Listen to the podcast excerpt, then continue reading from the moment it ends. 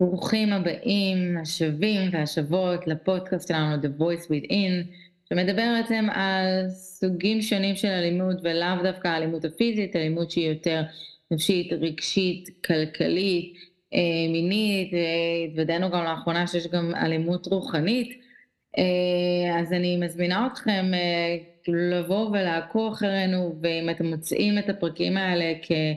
כאלה שיעזרו לכם, או שיש מישהו שאתם מרגישים שחייב להקשיב לסיפור או לטיפ, אה, אז בבקשה תשתפו, ואנחנו כמובן מזמינים אתכם גם לקבוצה שלנו בפייסבוק של The Voice Within אלימות היא לא רק פיזית, מרחב בטוח, שבו אפשר גם לדבר, לשאול שאלות, אה, וכמובן גם לשתף. ויש לנו גם אינסטגרם וטרד, שזה בכלל כיף. אבל היום יש פה איתנו אורחת שבאה לספר את הסיפור האישי שלה ואיך היא צמחה ממנו. אבל יותר טוב זה לתת לתמר להציג אותה. שלום.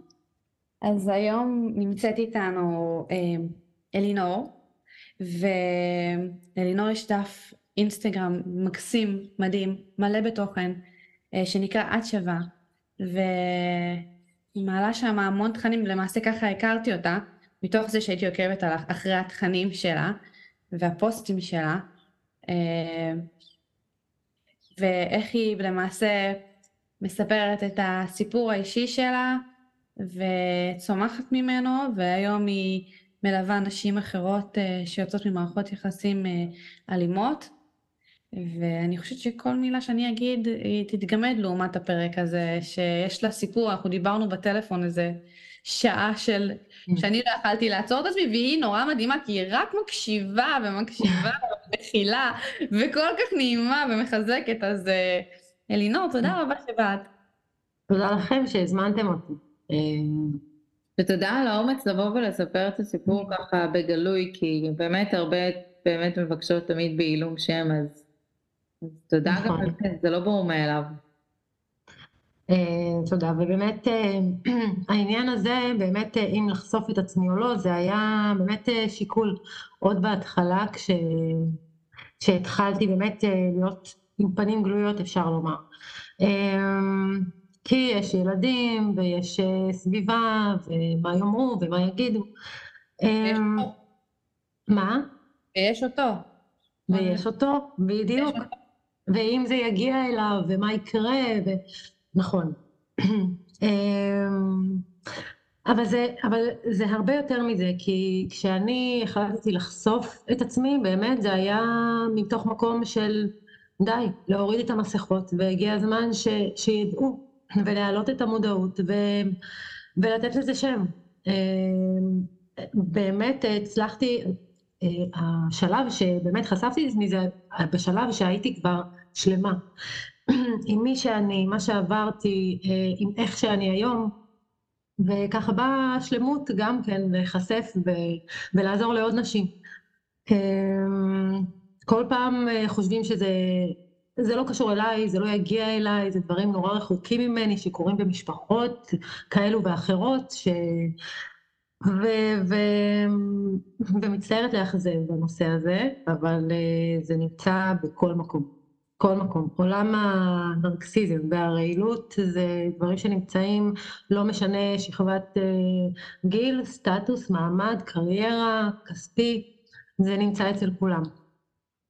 Um, אני אספר קצת את הסיפור שלי. אני הכרתי אז את, uh, את בעלי דאז, שהיה גרוש, שהוא הגרוש שלי היום, אבל uh, היינו, הייתי אז בת 17, 17 וחצי, uh, ובאמת uh, הכרתי אותו. עכשיו, קודם, קודם לכן, לפני שהכרתי אותו, התקופה היא ככה באמת להבין, אה, ויש הרבה שתוהות איך בכלל נכנסים, אבל אה, הדבר שאותי יותר הוביל זה איך שאני הרגשתי, נפשית.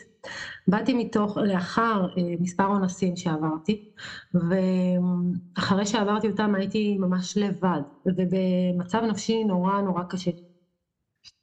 ואז הכרתי אותו, וכשהכרתי אותו הוא היה מקסים ו- ו- וחביב ועדיף ו- ואוהב, מבחינתי זה היה הגבר שכביכול עשה תיקון לגברים האלה שהרסו לי את החיים, שכביכול מהם חוויתי דברים קשים, אז הנה מצאתי את גבר חלומותיי ובאמת הוא מרעיף עליי אהבה. זה, זה התחיל בדברים קטנים שאת לא שמה לב. כלומר, הייתי בצבא, ובצבא היה לנו טיול לאילת. אחרי כמה זמן שהייתי, אז היה לנו טיול לאילת, לכל היחידה. וכשחזרתי, עמדתי ממש, הוא ממש לקח אותי לתחקיר. תחקיר, אבל ממש רציני. הוא היה שוטר, שזה סיבך עוד יותר את המצב, אבל משם זה התחיל, שם אני ממש זיהיתי כבר שיש משהו שונה, משהו אחר. ועדיין... ואני שאלה, כאילו מצטערת. כן, בטח. את אומרת כאילו ש... שחווית כאילו אונסים, ואת מדברת נכון. שחווית בגיל 17. ואז אני נכון. רואה, אני שואלת את עצמי כאילו בראש, האם זה לא כאילו בגלל שחווית דברים כאילו שהם נורא נורא קשים, כאילו לא היה אמור להיות לך מנגנוני הגנה יותר חזקים?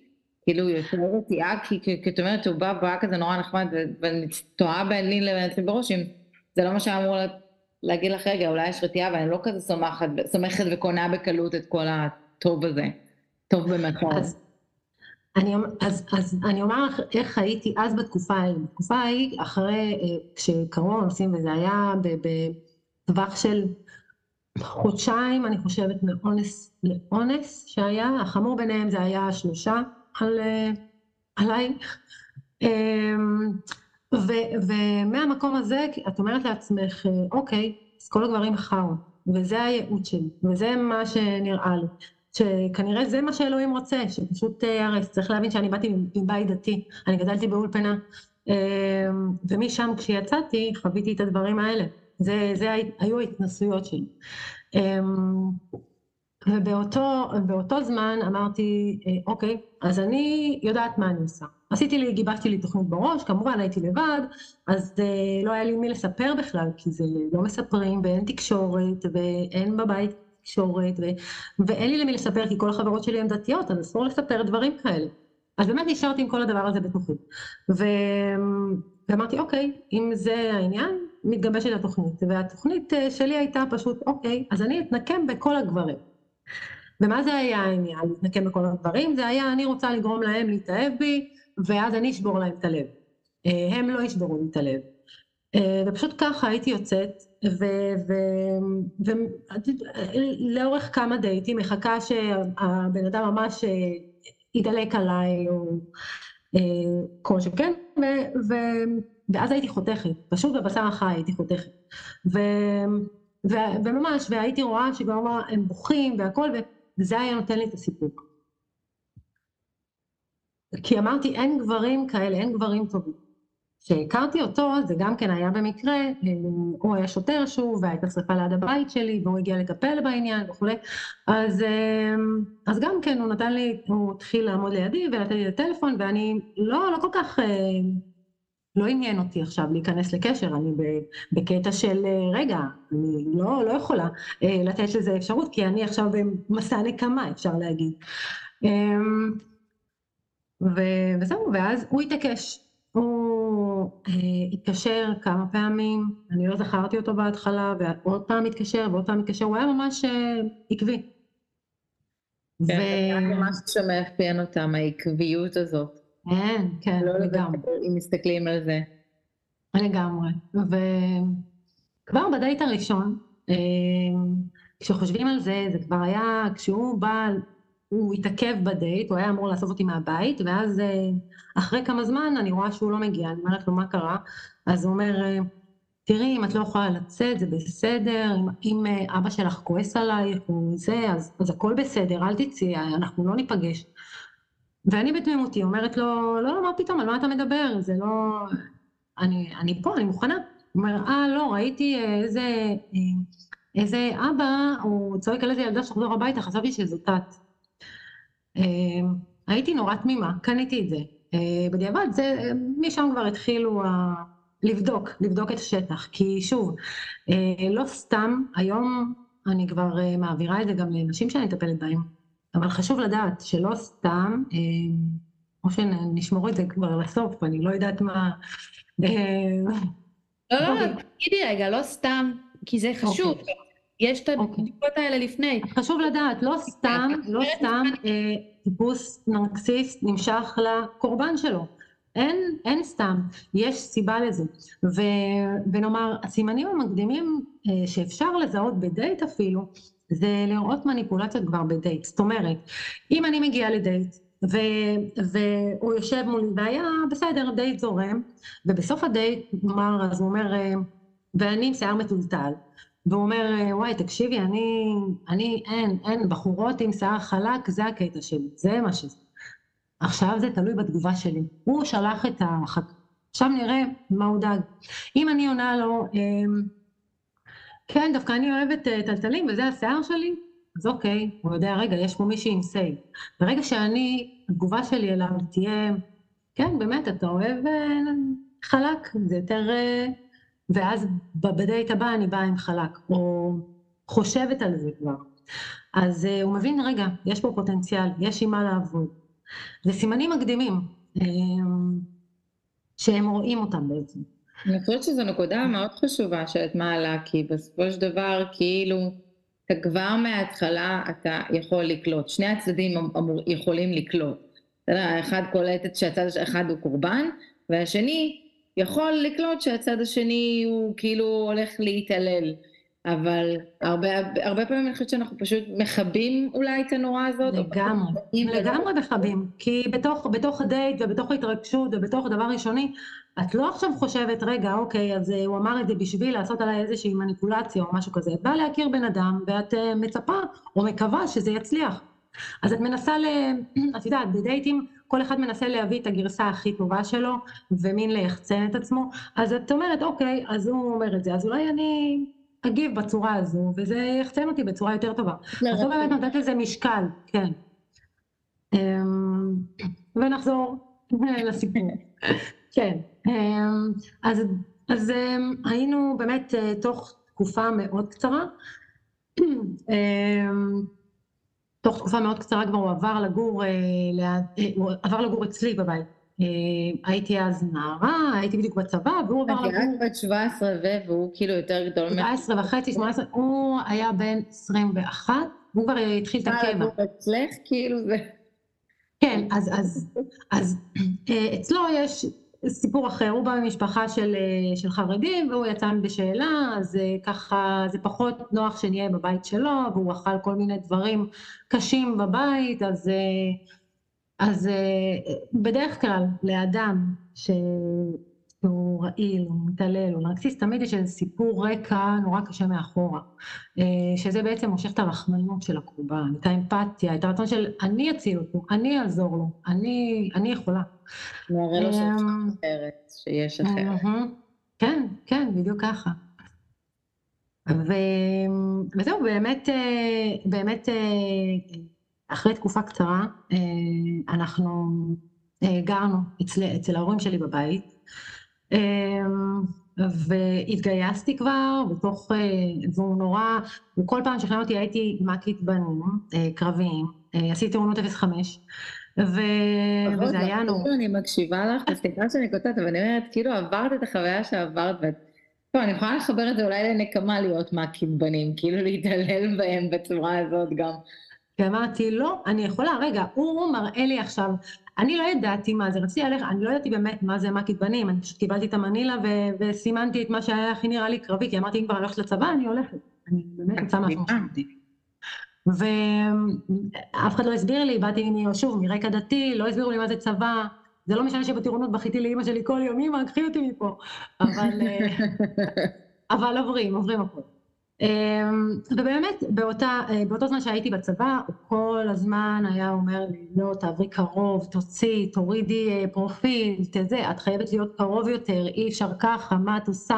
כל הזמן שאלות שאלות שאלות. ובאמת באיזשהו שלב השתכנעתי. אמרתי אוקיי אז אה, אולי באמת אני אוריד פרופיל אני אהיה קרוב יותר לבית אראה אותו יותר. וזה מה שעשיתי. אמ, והעבירו אותי קרוב, אה, הייתי יוצאת יומיות, ו... ושם, שוב, שם היה גם את הטיול לאילת שאמרתי, ואחריו התחקיר, ו... ואלו דברים שבאמת היו נראים לי פחות בסדר. אה, אבל עדיין זרמתי, אמרתי לא, אני אוהבת אותו כבר. אה, הוא, הוא הבן אדם, הוא הגבר שיראה לי באמת את התיקון, הוא התיקון של הגברים של זה, אז אין מצב, אז הוא... זה מה שהשאיר אותך?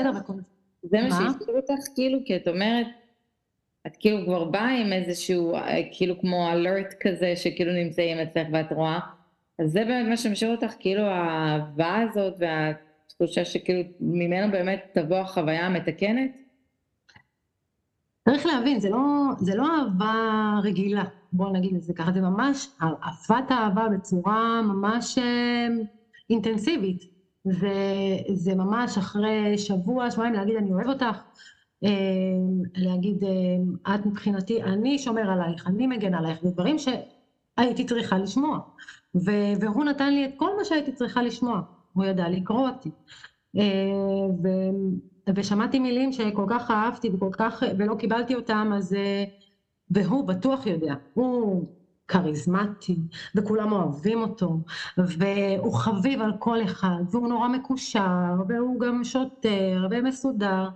אז באי להגיד, אז, איפה, איפה קורה, אחרי אילת, או קצת אחרי בנישואים, או איפשהו, קורה הנורה הראשונה, או המריבה הראשונה ששמה את זה במקום שאת אומרת, אוקיי, אני בבעיה. אמ, המריבות הממש גדולות זה היה אחר כך, אבל אחר כך זה כאילו... כבר בחתונה, כבר... אני אגיד לך, תוך כדי צבא פשוט אה, נכנסתי להיריון. אה, בדיעבד הסתבר שבדיעבד אחר כך, לפני שנים שהיינו נשואים, אז הוא אמר לי, כן, אה, שאבא שלו אמר לו להכניס אותי להיריון, לבדוק שהכל תקין. אבא חרדי? מה? אבא חרדי? אמר לו, הכניס אותה להיריון לפני נישואים? לפני החתונה, שלא אחר כך תתחתן ותקבל שק... איך יכול? אסור הרי. שוב, עד עכשיו אני לא יודעת אם זה נכון או לא, זה המילים שלו. אמ, אבל, אה, אבל זו המציאות, נכנסתי להיריון. איך קיבלו המשפחה? במשפחה, של... במשפחה שלך איך קיבלו את ההיריון? אז בהתחלה זה היה לא, לא כל כך התקבל טוב, אה, שגם זה היה משהו בפני עצמו, כי אחרי שנה מהצבא, אה, שהייתי כבר שנה בצבא, אז אז זהו, אז הוא אמר, אה, טוב, בואי, בואי נתחתן. אנחנו יכולים להתחתן וזה והכל. אה, ובאמת, כשנכנסתי להיריון, אז כבר אמרנו, טוב, אז אנחנו מתחתנים. כשאמרתי להורים שלי שאני בהיריון, אז, אה, אז הם נורא התאכזבו. אני, אני, זו המילה נראה לי, פשוט התאכזבו, שככה מתחת לבית שלהם זה את הערכים שלהם, מה שהם. אצל אמא שלי זה היה יותר העניין של הבושה, ומה יגידו, ומה יאמרו, ו- וכזה, מה אחרים, מה אחרים. ובאיזשהו שלב הוא אמר, אה, אוקיי, אז אה, את יודעת מה, אולי, אולי אנחנו באמת אה, נוותר על זה. ו- ואני בתור נערה שגדלה על הערכים הדתיים, אין דבר כזה הפלה. אמרתי, מצידי אני אלך ל- לרחוב, אבל אני אגדל את הילד הזה, אני לא... ואז אמרנו, אוקיי, מתחתנים. ואז הגיע באמת אה, עוד אה, דגל אדום, ששם אה, הוא אמר, אוקיי, אה, תראה, אנחנו עושים את החתונה, הוא ממש הושיב אותי איזה יום אחד ואמר לי, אנחנו עושים את החתונה, אבל אה, את זו ואת זו ואת זו אני לא מוכן שיהיו בחתונה. וזו וזו וזו, אלו היו החברות הכי טובות שלי. אה, ואני לא הסכמתי, מה? איך היית עם זה? בדיוק מה שבאתי לשאול. אז, אז זהו, אז אני לא הסכמתי ואמרתי מה פתאום, ונורא בכיתי, והוא היה כאילו כמו, כאילו אבא אומר לילדה שלו, זה פשוט ככה, ההתנהלות הייתה כמו אבא, כי הוא קובע, הוא החזק, הוא הגדול, הוא יודע מה הוא עושה, אז הוא קובע, הוא מוביל. אמ, וכן, ולא הזמנתי את החברות הכי טובות שלי, החתונה שלי. באמת? באמת. חברות שלך לא אומרות לך כאילו מילה, משהו על הדבר הזה, לא נדלקת אצלן איזה נורא כאילו. אז כבר אז זה, זה כל הקשר, כאילו לפני החתונה זה היה טווח של שנה וחצי, או כן, משהו כזה, קצת פחות. ושם לא, לא נדלקת נורא, מה זאת אומרת לא נדלקת? אני לאט לאט כבר התחלתי להתרחק מהם. אה, לאט לאט כל הזמן שלי, או כל הזמן הפנוי שהיה לי, זה רק הוא מילא לי. ו- וזה לא, הוא לא צריך אפילו, העניין שהוא לא צריך אפילו להגיד שלא, אל תלכי לחברות שלך, מספיק המבט הזה שהוא יעשה, או האי נוחות הזו שהוא יישב, או כל דבר שהוא, את מרגישה שזה לא טוב, את מרגישה שזה לא נעים לו, אז את מנסה, טוב, אני, אני אקשיב לו יותר, אני ארצה אותו יותר. ובאמת ככה זה היה. את לא שמה לב שאת נכנסת לתוך די מוקשים, ממש ככה. אמ, ואיפה אימא שלך בדבר הזה? אימא שלך לא אומרת מה, חברה, חתונות, מה, איפה החברות? אז, אמ, אז אימא שלי לא. אמ, בסדר, מי בא? היו כמה שהן רחוקות יותר. לא, לא כזה היה לי קשר איתם, אבל הזמנתי, כי לפחות שיהיה חברות קצת. ו, וזהו, ממש מהחתונה אני לא, לא ממש הייתי בקשר כבר עם חברות, עם כל דבר שכזה, אחרי החתונה כבר הייתי אה, כבר חודש אה, חמישי, רביעי, והייתי עסוקה בהיריון. אה, בהיריון, ובוא, אה, זה תמיד קשור אליו, ואיך הוא יהיה. ובאותה תקופה גרנו אצל ההורים שלי עד שהבית שלנו היה מוכן, באמת כשהוא היה מוכן עברנו לבית, כשהבת שלי, הקטנה שלי הייתה בת חודש, אז הייתי בת עשרים עם ילדה, ו... ושם באמת אה, התחיל, אה, שם הייתה, היה כבר אה, איזושהי נפילה. היה בינינו איזשהו ריב, ו... והוא פשוט אה, החליט שמבחינתו אני צריכה, זהו, נגמרו המשחקים, ואני צריכה, אה, זה ככה, זה, זה היה יום אחד של ריבים וצעקות והכל, והוא אומר לי, אני הולך לעבודה, כשאני חוזר הביתה, אני לא רוצה לראות גרגיר אבק. מבחינתי, תלקקי את הרצפה. והכל זה בצעקות, והכל זה באיומים ודברים כאלה. ו... ואני, כמו ילדה, ילדה קטנה, עם, שמגדלת ילדה, אה, עושה את מה שהוא אומר ויום אחרי יום, והוא פשוט היה בא מהעבודה ובודק עם האצבע, אם יש פה אבק.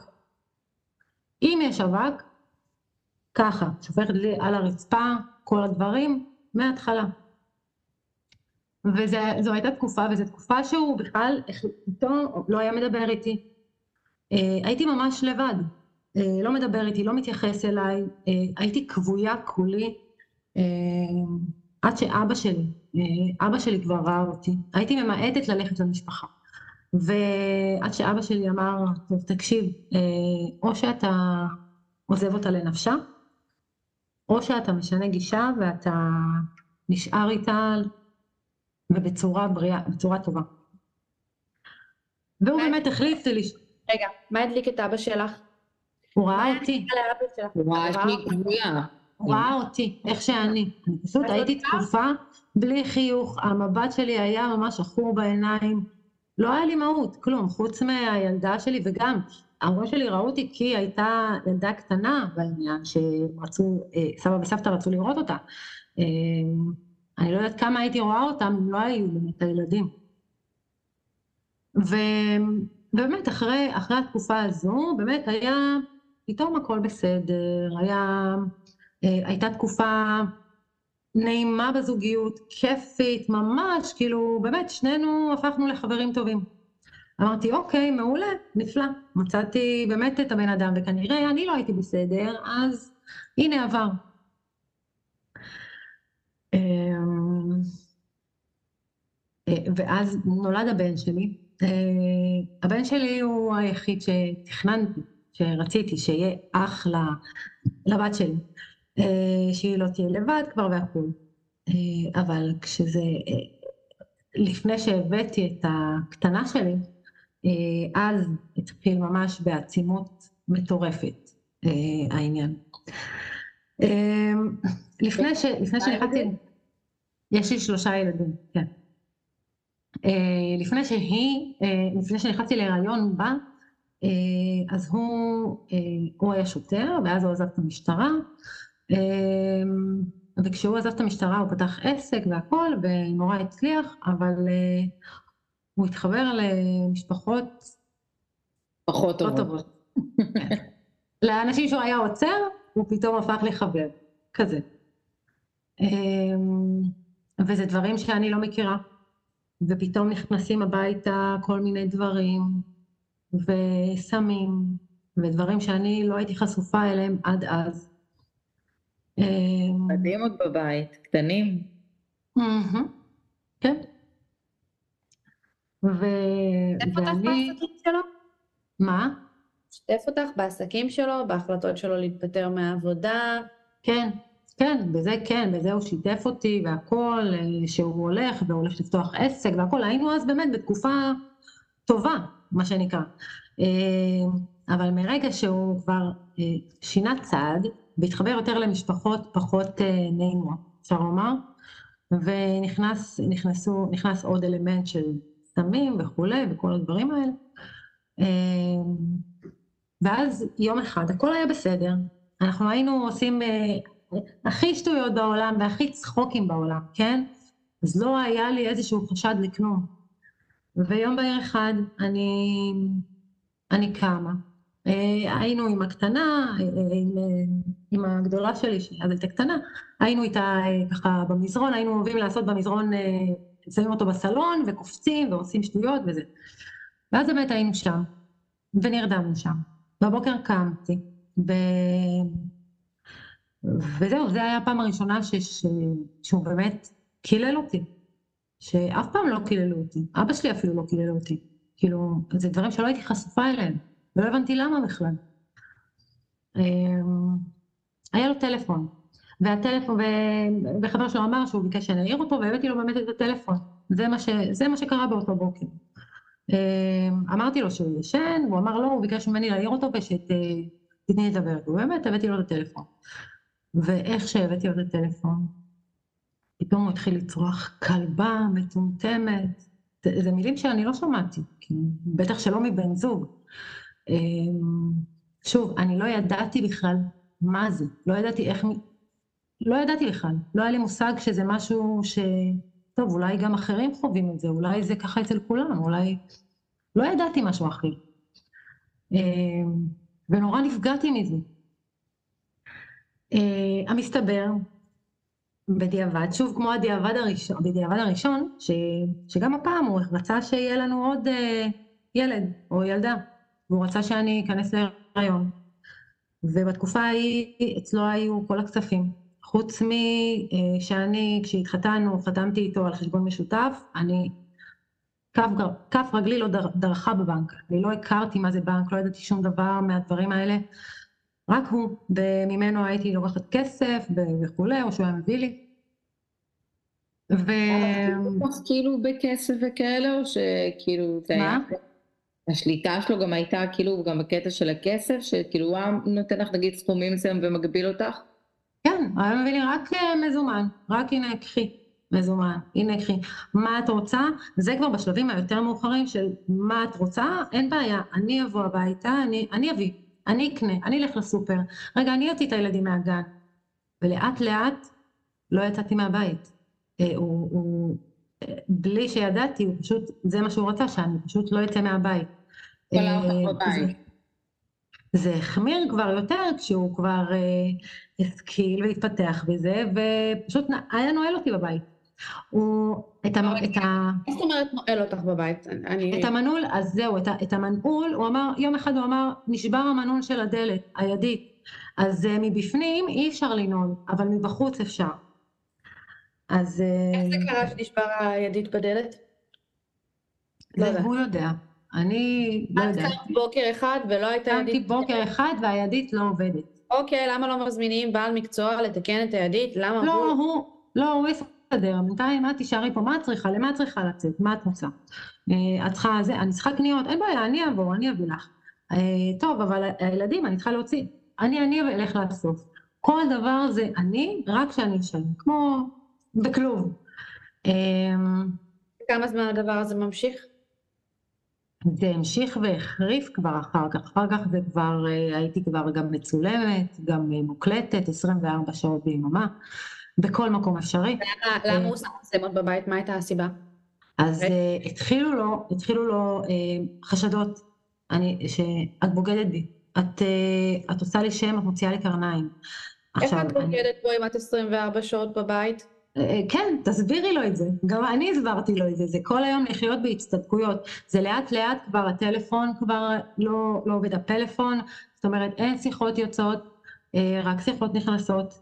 אה, טוב, עזבי, לא צריך. רגע, אומרת, הוא סגר לך את השיחות יוצאות? כן. מה קורה אם הילד קורא לו משהו ואת צריכה להתקשר למישהו? יש טלפון בתוך קווי בבית? כאילו... לא. אין מה. זה רק הוא. אם צריך משהו, רק הוא. יש את הטלפון שלו. את רוצה להתקשר אליו? אז יש מספר שאני יכולה להתקשר וזה אליו.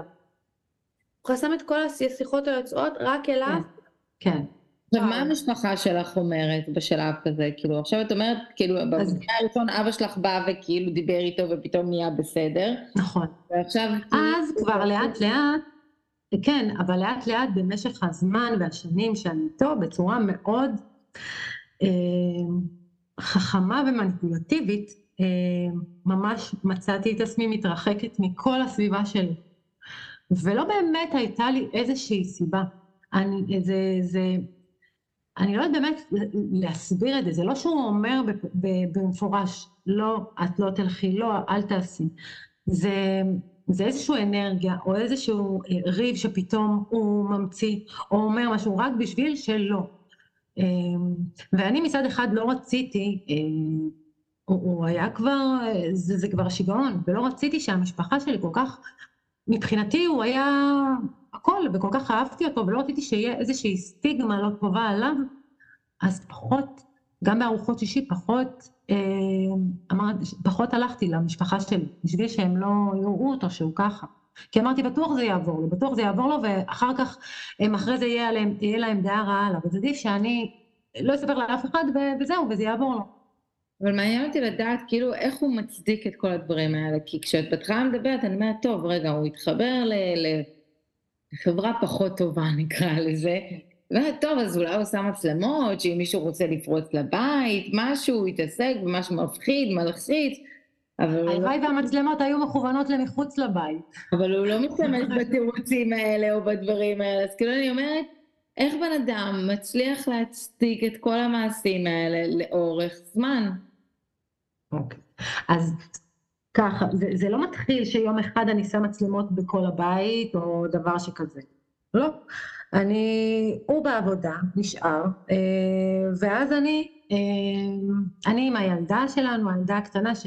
היא, ברגע שהיא נולדה מבחינתי הייתה עוגן בשבילי, זה היה מישהו שיכולתי לדבר, כי עד אז, בכל פעם, כל ערב הייתי צריכה לשבת ולשמוע את כל ההקלטות, ואם יש איזשהו אפילו, כשמקליטים אז יש לפעמים זמזום בגלי רדיו, לא יודעת. אה.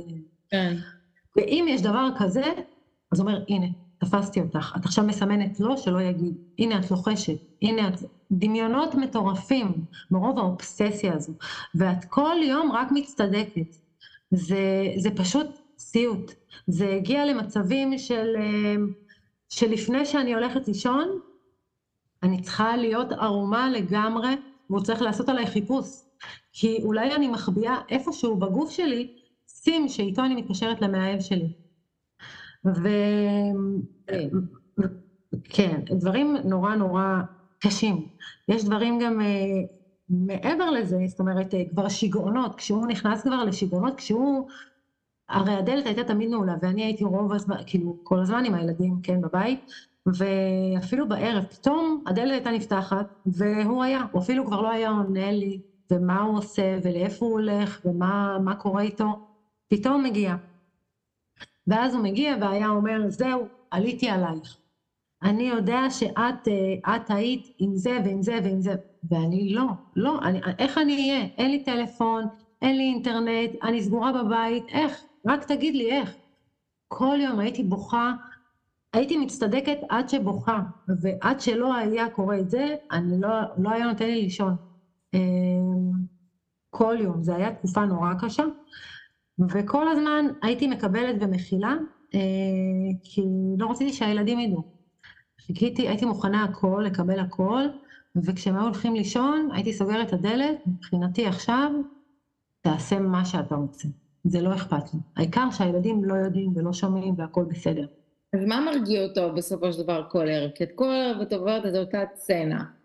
אז מרגיע אותו בסוף למצב של טוב יאללה, כאילו, שקט עכשיו. זה שעות של לשכנע אותו, שעות של לדבר איתו. זה הנפש מותשת לך. זה שיגעון מטורף. אה, אה, זה, זה מצב כבר שאת בקושי ישנה, ו, וגם כשאת ישנה אז כל שעה מעירים אותך לבדוק מה קורה, או שפתאום יש איזו שאלה באמצע הלילה, או שהנה עכשיו עליתי עלייך באמצע הלילה. פרנויות מטורפות. אה, זה פשוט להתיש נפשית. ו...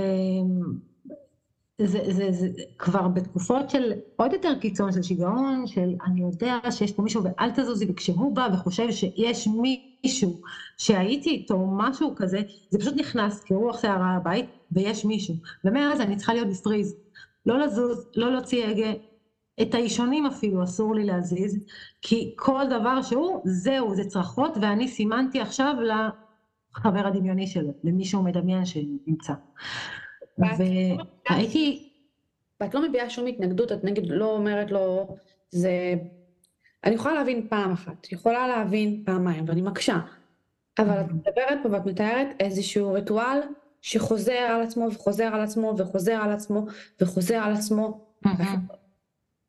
כי את לא, את, את היית מקית בנים. נכון. כמו אחת שהולכים ומזיזים אותה ומנערים אותה עם כל הרגישות, אז, אז מה?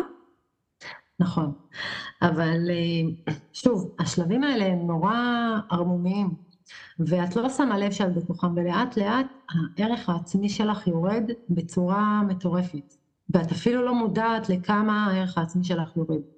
מבחינתי, אני גם, אה, גם, גם בעמוד שלי, אני, אני מדברת על זה, אני, אני ממש קינאתי בסמרטוט רצפה, ממש קינאתי, לא, לא בקטע של... של אה, איזשהו משפט או משהו ממש בתוך תוכי. קינאתי, הייתי מסתכלת ובוכה, הייתי אומרת, לא, לסמרטוט הזה יש שימוש ויש ערך בעולם הזה יותר ממני, הוא שווה יותר ממני. אני לא שווה, אני לא שווה אפילו את האוויר, אני לא הייתי מסתכלת לאנשים בעיניים. זה, זה מביא אותך למצב של את לא שווה כלום, פשוט כלום ושום דבר. זה נורא, כי וזו התחושה. הוא כאילו הביא אותך למצב שאני כאילו שואלת את עצמי, איך לא איבדת את השפיות שלך? את כל הזמן... אז היה שלב שכבר איבדתי. כאילו, חוטפת רק צעקות בלילה, עושים לך חיפוש גופני בלילה, כאילו, באמת, איך אתה לא מאבד את השפיות, כאילו, בדבר כזה? כבר איבדתי שפיות. זאת אומרת, מה זה איבדתי שפיות? אני אה, רק... אה, הייתה תקופה שהיא הייתה נורא, בעצימות נורא גבוהה, של התעללות שאני ממש אחריה, זה כמו יצאתי מתוך אופוריה. באותה תקופה של העצימות הזו הוא ממש שכנע אותי ש, שהבן שלי הוא לא ממנו, הוא בכלל מ, אה, מחבר שלו. שאני לא, כן, אף פעם לא הייתי זה, כן, אבל הוא ממש שכנע אותי שכנראה, ואני לא ידעתי, אבל זה חבר שלו אמר לו, אבל זה, אני לא ידעתי, כנראה יכול להיות שהייתי אולי אה, בלי הכרה או מסוממת ולא ידעתי, אבל הילד זה ממנו, זה לא, מ, זה לא מבעלי. הוא השתמש, סליחה שאני שואלת, ולגמרי תעצור עם זה, אני פשוט, זה בסדר להגיד לי לעצור, הוא השתמש באונסים הקודמים שהיו לך אז זה היה בריבים הגדולים. נשמע כזה, נכון? אז אה, הוא התעלם מה... אה, בריבים הגדולים, אז הוא היה אומר, אה, למה ימצאו אותך שלוש ביחד, היו ימצאו אותך, הלוואי והיו ימצאו אותך גם עשר, והלוואי וקר, וזה מה שהיה לך, שהיית עוד יותר ככה. זה היה, זה היה המילים. וכל מה שאת מתארת כרגע לא הייתה אלימות פיזית. זאת אומרת, את מדברת על... על נכון. נכון. על זה שהקים אותך בלילה, מפשיט אותך, מקלל אותך, מתעתע, עושה גייז לייטינג פה בצורה מטורפת, משתמש mm-hmm. בכל העבר המאוד מאוד רגיש ופגיע שלך, אבל שום מכה או סימן, mm-hmm. או הרתעה, שובר דברים בבית? לפעמים, כן. אבל... איפה את נמצאת, או שאת לא ממש מבינה בנקודה ההיא? אני פשוט, באותה נקודה את אפילו לא חושבת איפה אני נמצאת, מה קורה איתי. את פשוט רוצה לשרוד, לשרוד. את שורדת כל יום וכל יום. ו... וזה נורא נורא נורא קשה, וזה מתיש נפשית, ויש לך עוד uh, ילדים גם בבית, לגדל אותם ולהיות איתם. Uh, ואת רוצה גם שהם לא ירגישו מזה כלום. Uh, אני זוכרת, uh, אחרי תקופה שהייתי ככה סגורה בבית, אני, אני זוכרת את זה כמו היום, ממש ככה, שיצאתי, את התחושה ממש, אני זוכרת, שאחרי חודשים uh, כבר היה חייב שאני אצא מהבית, כי לאחותי הייתה מסיבה, יום הולדת ומסיבה, והזמינו את כל המשפחה, וגם דיברו איתו אישית ואיתי אישית, ובפנים גם דיברו איתו, והוא אמר שאנחנו נבוא, אז, אז זהו, אז אני יכולה לצאת מהבית, הו הו. אז באמת... זמן זה שאת מצליחה לצאת טוב כוסף מהבית? כמה חודשים. וואו. ו... ואז אני זוכרת, אני, אני אפילו לא קלטתי מרוב האופוריה שהייתי בתוכה, ברוב העצימות, הטשטוש הנפשי הזה, אה, אני לא ידעתי בכלל אה, כמה זמן לא ראיתי את הבחוץ, לא, לא, לא שמתי לב אפילו שלא ראיתי כל כך הרבה זמן את הבחוץ. וכשיצאתי, אני זוכרת, נסענו באוטו, ואני פשוט לא אשכח שאני מסתכלת מהחלון, ליד, אה, כבר עוד מעט מגיעים לבית של אחותי, ויש שם איזה מכולת. ואני מסתכלת שם ואני רואה את ה... את המוכר מחוץ למכולת. והדבר הראשון שעלה לי לראש זה, וואו, איזה כיף לו, הוא, הוא יכול להסתובב חופשי. וזה הייתה, זה היה המילים שאני שומעת במוח. ואני לא מבינה, כאילו, זה, זה נוגד את... כי אני לא מבינה שאני לא יכולה באמת להסתובב חופשי. את לא רוצה להבין את זה, את לא רוצה לעכל דבר כזה בכלל. אבל ההרגשה פשוט מנצחת, הרגש. אה, את אומרת, וואו, איזה כיף לו, פתאום את שמה לב, רגע, מתי אני יצאתי מהבית פעם אחרונה? איך אנשים ככה חיים ככה בחופשיות? ו- ומה, זה, זה בסדר? אני חושבת שאנשים נורא יכולים להתחבר עכשיו למה שאת אומרת, זה מאוד מתחבר לקורונה, שהיינו בבידוד, אנשים, היינו בבידוד, ופתאום היה אפשר לצאת החוצה, ופתאום כזה זה זה, אבל אנשים היו נכון. קורונה בבידוד של חודש, וסגרים קצרים כאלה, זה ממש זה, אבל את, את לבד מודדת מהעולם כרגע. אז האמת שזה קטע שהיא אמרה, כי אמרתי, אני אחכה עד שאני אשאל את השאלה הזאת, ואם נכון בכלל לשאול את השאלה הזאת. אבל גם כשכאילו את מספרת את זה, כאילו אמרתי, כאילו תהיתי לעצמי, היה לך קל בקורונה, או שהקורונה הייתה טריגר מטורף לכל מה שחווית איתו, כאילו? וואו, היה לי, האמת שבקורונה היה לי קל. אה, אני, אני אפילו עשיתי אה, סגר יזום מבחינתי, איך שהתחילה הקורונה, כי נורא פחדתי, כי אה, יש לי מחלות רקע אחרי הגירושים, נדבר על זה, אבל, אבל באמת עשיתי סגר יזום עם הילדים בבית, כבר מראש, היינו איזה חודשיים בבית, לא יצאנו, לא כלום, וזה היה ממש כיף, ממש נהנינו ביחד. חוויה מתקנת על... בדיוק, בדיוק, בדיוק, בדיוק. כי זה בא ממקום כל כך אחר, ושלם, וגבוה, ומעצים, וכיפי, ומאושר, לא ממקום של דיכוי. אני יכולה להגיד לך שאת הקורונה, אז בדיוק הייתה התקופה שהתגרשתי, ואני זוכרת שהכניסו אותנו לבידוד ואמרתי, אלוהים יעזור, עד שיצאתי ממנו, עכשיו מכניסים את כל העולם, ולראות את כולם אני זוכרת ממש, זה היה פסח, ליל הסדר, שהיה אסור לעשות את החג, והסתכלתי על כולם, הראו בחדשות איך אנשים אומללים מזה שהם לא עושים חג עם משפחה שלהם, ואני בלב שלי, מה, ברצינות? אני עושה את זה ככה. זה החוויה שלי במשך כל שנות הנישואים שלי להיות בחג. כל חג שלי היה נראה עצוב ומסכן. אתם עוד זוכים לראות את קרובי משפחה שלכם בזום, אני גם את זה לא זכיתי. זאת הייתה חוויה אחרת לגמרי, כאילו, אז, אז בגלל זה כשהתחלת לדבר על הבידוד זה נורא... לי... אז, אז את חושבת, את מגיעה לאחותך, ומה? ולא שואלים אותך איפה היית? לאן ואני? רואה את כל האנשים עכשיו, אה, אה, בזמן הזה, אה, אני, אני לא רואה בכלל אנשים, זאת אומרת, אני רואה אותם מול הפנים, אבל אני לא באמת רואה אותם, כי אני כולי מרוכזת בתוך, ה, בתוך העולם שלי, בתוך איך שאני חיה.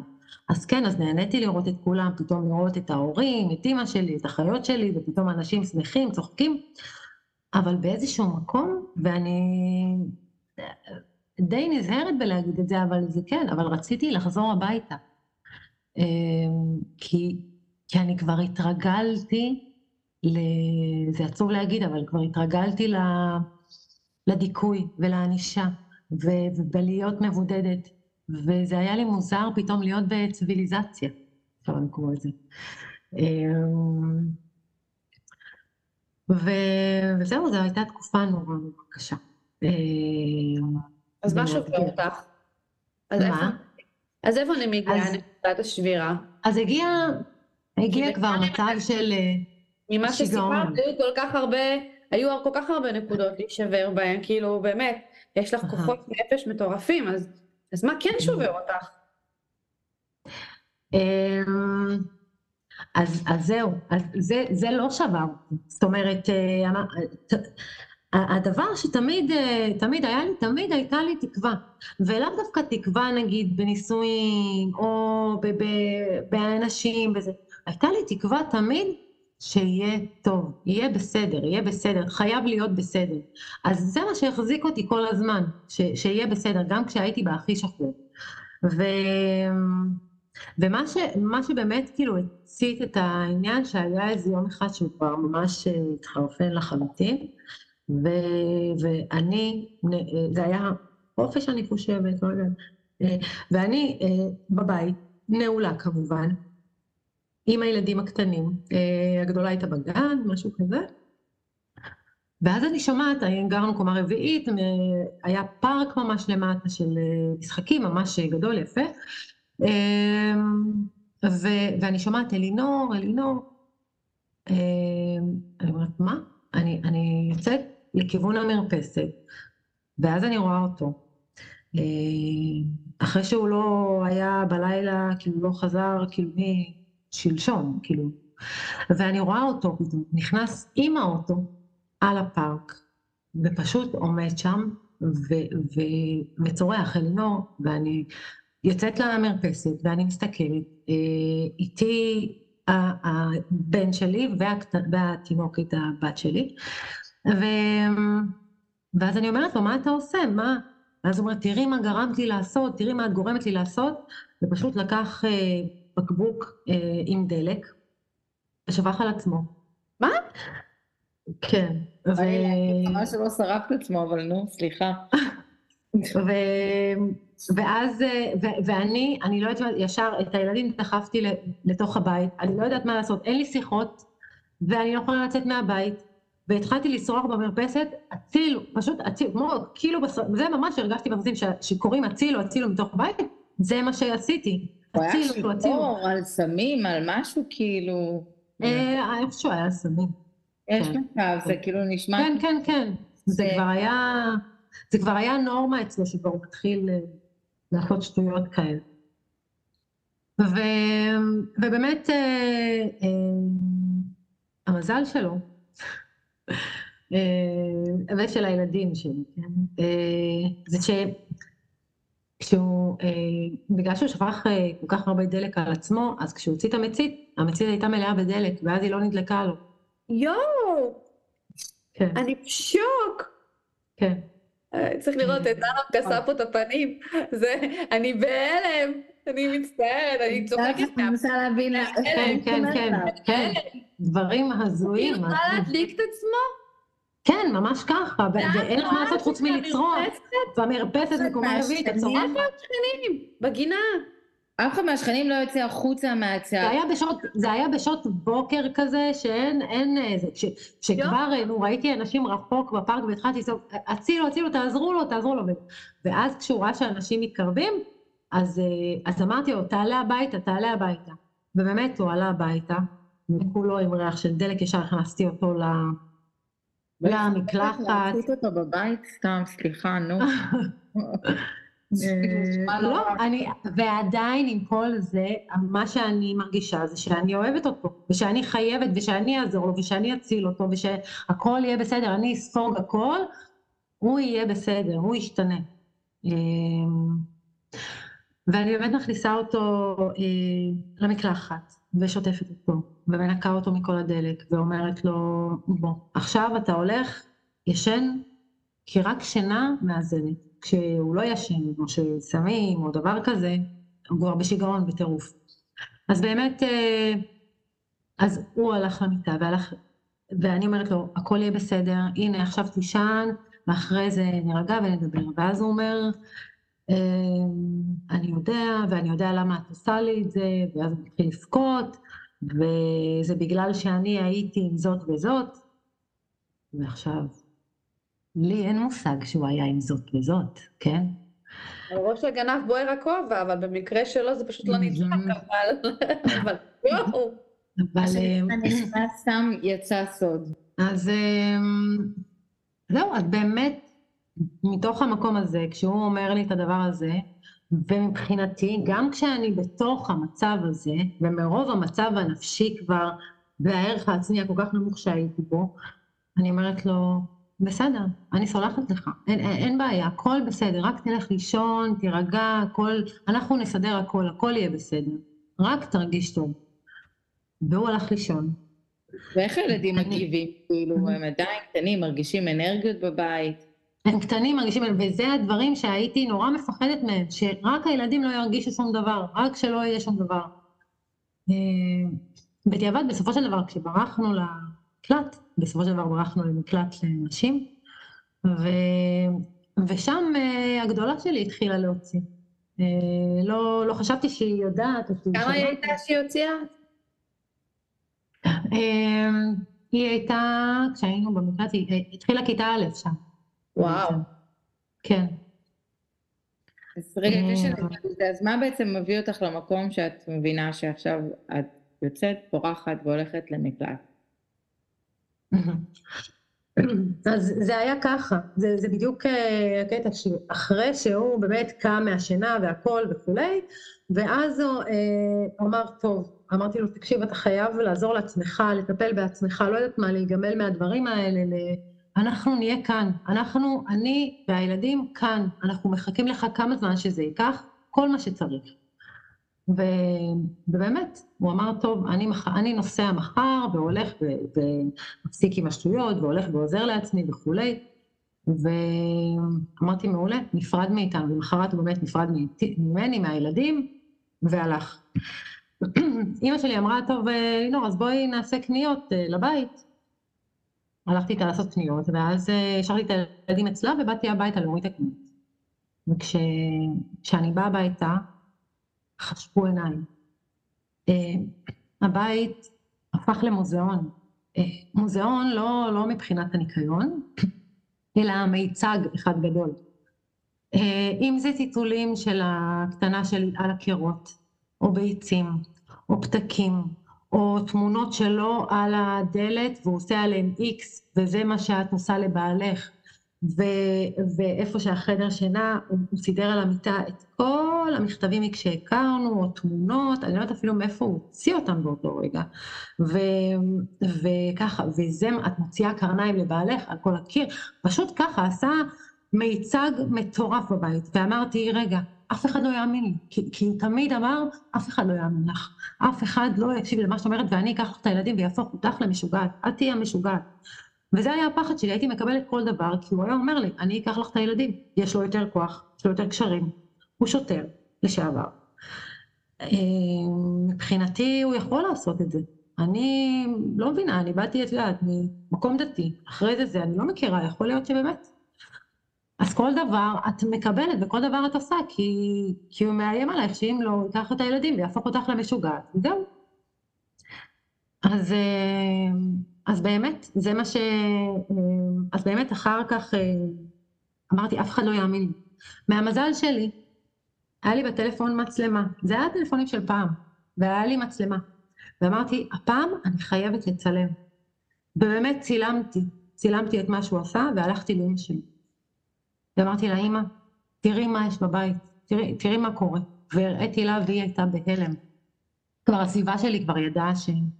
שהזוגי שלנו לא בריאה, ושהוא כבר לא, לא תקין. אה, הוא כבר לא תקין, הוא לא היה תקין מההתחלה. כן, אבל אה, זה העצימות רק גדלה. אה, וזהו, ואז באמת היא אומרת לי, אל תדאגי, אני באה איתך לבית. וכשבאנו לשם לבית, באנו לשם, קודם כל פתאום, אני, איך שאני מגיעה, אני רואה אותו, יוצא מהחדר מדרגות, ואני אומרת לו, מה אתה עושה כאן? אה, לא אמרת שאתה הולך, לא הלכת בבוקר? אמר, כן, כן, אני הולך, פשוט התעכבתי קצת. ואז אמרתי לו, תגיד, ומה מה זה משהו בבית? מה, מה זה? בבית? אין שום דבר בבית, אני לא יודע מה את, אה, מה את רוצה, מה את אומרת. בעיקר את הכל. אני ואימא שלי היינו לבית, כאילו כלום לא היה. כלום לא היה. יואו, אני בשוק. אמרתי, אלוהים, תודה ש, שבאמת בנקודה הזו נתת לי את הכוח לצלם את, את מה שהיה. חייבת להגיד לך שאם עכשיו היה סרט, לא הייתי מופתעת. זה כאילו היה סצנה נראה לגמרי הגיונית. אבל כשאת מדברת, וזה החיים של בן כן. אדם הכי נורמלי, כאילו זוג כן. סטנדרטי, אני פשוט בהלם. וכלפי חוץ הכל נראה, זה העניין, שכלפי חוץ נראה מושלם, הכל בסדר, מדהים, כן. אבל זה מטורף, זה כאילו הוא בעצמו צפה כנראה ביותר מדי סרטים וסדרות של דברים כאלה. וזה. הזוי, כי אתה אומר, כאילו זה הדרך לגרום לבן אדם לאבד את שפיותו. כן. כשהוא רואה משהו אחד, יוצא רגע חוזר, וכאילו יש משהו אחר. זה כן. ממש כאילו לגרום לבן אדם לאבד את השפיות, אבל אני מנחשת שהוא בטח גם עשה את הדבר הזה, כי כאילו הוא יצא, פתאום הוא בא הביתה, את לא בבית, הילדים בבית, כאילו, אה, אני לא חיכיתם לי, הנקמה יצאה, אני יכולה לנחש. לא, זה בא פשוט מתוך מקום של לשגע אותי. זה, זה, זה העניין, כי הוא מבחינתו היה אמור לנסוע בבוקר, והוא נפרד מאיתנו, ואנחנו נפרדנו, והכל אה, בסדר. אמ, ואימא שלך נכנסת לבית, ומה? והיא רואה באמת שאין כלום. ו... והיא רואה, היא אומרת, היא לא האמינה, היא לא האמינה שהכל, כאילו עד לשקית של הזבל, אין כלום, כלום, כלום, שום דבר. אמ, והיא מסתכלת בתמונות בטלפון, והיא מסתכלת על, והיא אומרת, לא להאמין, פשוט לא להאמין. ו... וזהו, ואז באמת הוא הלך. וזו הייתה תקופה שהוא הלך, ואני והילדים היינו, ו... הלך לכמה זמן? זה היה איזה שבועיים, אחרי שבועיים כבר הוא חזר. אמ, ואז, ואז באמת, בשבועיים האלה... לאן הוא הלך? את ידעת לאן הוא הלך? כן, ידעתי לאן הוא הלך. הוא הלך אז, ל... אה, אז הוא נסע ל... היה אצל איזה מישהו בקיסריה, שלא משנה, שהוא באמת היה, לקח אותו באמת אה, תחת חסות. אמ, ואז אה, אמרתי, אוקיי, קודם כל היה לי כל כך רוגע, כאילו, מה זה רוגע? הקלה, הקלה שאני והילדים, להתעורר רק אני והילדים, לישון לילה שלם ואני והילדים, זה, זה, זה, זה מדהים היה מבחינתי, זה דבר שכל כך הרבה זמן אני לא, השקט הזה, לא היה לי כל כך הרבה זמן. וכל הזמן זה נגיד המצלמות, המצלמות עדיין עובדות, כל זה כאילו זה חלק מהשגרה. זה חלק מהשגרה, אבל אין מי שיבדוק אותם, כי הוא לא פה, הוא לא שם, כאילו הוא לא בבית. אמ, בדרך כלל כל ערב הוא היה יושב, בודק אותם, ואחרי שהוא בודק הכל, טוב, בואי, ככה. אמ, הייתי ממש, בגלל זה כש, כשהקטנה שלי נולדה, מבחינתי זה, זה היה אה, העוגן שלי וגם הקרש הצלה שלי מבחינתי. כי כשהיא הייתה, אז פשוט כל החודשים כשהיא הייתה קטנה, אני הייתי מדברת איתה, אבל לא רק מדברת אה, יפה שלי, מתוקה וגובה. הייתי גם אומרת, הנה עכשיו אנחנו שמים חולצה, עכשיו אנחנו שמים גרב, הנה בואי איתי עכשיו למטבח, הנה בואי, כל דבר אני מדבררת אותו, בשביל שהוא ישמע אחר כך בערב, שלא יהיה לי בלאגן, שהוא ידע מה עשיתי, שאם הוא שומע רעש, הוא ידע ממה זה. אמ, אז הייתי ממש מדברת כל דבר שאני עושה, אה, בשביל להגיד בקול. אמ, וזהו, באמת בתקופה אחרי שהוא הלך, אה, שהוא חזר, ראיתי, אה, אחרי שבועיים הוא התקשר, הוא רוצה לראות את הילדים, אמרתי, בטח, בשמחה, תבוא תראה אותם, אנחנו, מבחינתי אנחנו מחכים, כאילו, רק שתהיה בסדר. ובאמת, הוא חזר, ראיתי בעיניים שלו שהוא, שהוא נקי ושהוא בסדר ושהוא צלול כזה והכל, נו, אמרתי, בוא, אתה יכול לחזור. ובאמת, כשהוא חזר, הייתה חצי שנה הכי מדהימה, אה, שהייתה פעם ראשונה שהוא הלך עם הילדים לגן משחקים. פעם ראשונה שראיתי כאילו מה זה אבא לילדים, לא היה לפני כן, לא היה, הוא אף פעם לא היה איתם בגן משחקים, הוא אף פעם לא היה איתם בתקשורת. ו... וזה היה מדהים לראות את זה. עד, זה היה חצי שנה, זה מה שזה החזיק, ו... ואז היה יום שישי, שעשינו בריכה במרפסת לילדים, והוא הלך, ירד למחסן לחפש את הגלגל איקס הזה של התינוקות. אמ, ואני עם הילדים למעלה בבריכה, והוא עוברת שעה, ועוברות שעתיים, ופתאום הוא לא פה, הוא לא, הוא לא חוזר. ואני מתקשרת, והוא אומר, כן, כן, אני במחסן, אני תכף עולה. אני אומרת, כמה זמן? הוא אומר, כן, אני לא מוצא את זה. בדיעבד, אה, במחסן הוא פתאום מצא איזשהו סליק שהיה לו, שנשאר לו, מאיזה סם שהוא לקח, אני לא יודעת מה. וכשהוא עלה בצהריים, ביום שישי, אני, איך שהוא נכנס, אני לא האמנתי שזה קורה. אני ראיתי את העיניים עוד פעם, וראיתי את השפתיים, את ה... אני כבר יודעת את כל המימיקות הדברים האלה. את השיניים. כן, כן, את, את כל, הכל. כשאת חיה ואת רואה בלייב, אז את כבר יודעת לזהות. הוא לקח כאילו כמות נורא גדולה, שזה המצב שאתה כאילו לועס את עצמך ואתה כאילו במחשבות כאלה. כן. ואז אה, אמרתי, לא הגיוני. אלינור, אה, לא יכול להיות, את, את מדמיינת, אין מצב שעוד, לא, אין מצב. ואני רואה, וזה יום שישי, ויש את הארוחת שישי, ולא הולכים להורים שלי, אז אוכלים בבית, ופתאום הוא לא רעב. ואין דבר כזה שהוא לא רעב. אה, רק משהו גורם לו לא להיות רעב. בהחלט לא רעב. וזה עוד יותר חיזק לי את זה שאני לא מדמיינת. כי אני כל כך רציתי לדמיין את זה, כי לא, לא הייתי מוכנה בשום אופן לחזור למציאות כזאת כמו שחייתי. זה היה גיהנום עלי אדמות. ו... ובערב, כשהילדים הלכו לישון, אה, אני ישבתי בסלון, והוא הולך לשירותים. וזה, והוא שעה נתקע בשירותים, וזה, ואני כבר ידעתי שאז, כמו אז, הוא, טוב, אם הוא הרבה זמן בשירותים, אז הוא עושה שם משהו, מעבר למה שהוא עושים בשירותים, כן? אז, אה, ואני רעדתי מפחד. אני זוכרת, אני הלכתי, אמרתי, אני, אני פחדתי, פשוט פחדתי, זה היה בקצה המסדרון, ואני פשוט ככה ישבתי עם עצמי ודיברתי עם עצמי ואמרתי, אלינור, את יכולה, אלינור, את יכולה. אני, זה לא שעלה לי הביטחון העצמי או הערך העצמי שלי באותה תקופה, פשוט לא הייתה את ה... לא היה את הדיכוי הכל כך אינטנסיבי הזה בחצי שנה. אבל אמרתי לעצמי, אלינור, את, את יכולה, את חייבת, את חייבת להוכיח אותו. את, את, לא יכולה, את לא, את לא הולכת לעבור עוד שנים כאלה. ואני זוכרת, הורדתי את הנעל לבית, והלכתי כמו גנב, צעד צעד, צעד צעד, שמתי עמוק ופתחתי את הדלת, פשוט ככה. ואז ראיתי אותו עם, אה, עם סמים. ואז פשוט נפלתי על הרצפה והתחלתי לבכות ואמרתי זהו, החיים האלה חוזרים עוד פעם. ואני לא יכולתי להכיל את זה בשום צורה. והוא מאותו רגע אמר, כן, את לא תגידי לי למה לחזור ולמה לא, ואת תראי, אני אהרוס לך את החיים, ואני אקח לך את הילדים, ואני אהפוך אותך למשוגעת, ואני אעשה מה שאני רוצה. ואני פשוט בכיתי, פשוט בכיתי, מיהרתי בבכי על מר גורלי, והוא, שוב, הוא יצא, ואני לא יודעת איך הוא עשה את זה עוד פעם, אבל נעל את הדלת ואי אפשר לפתוח אותה.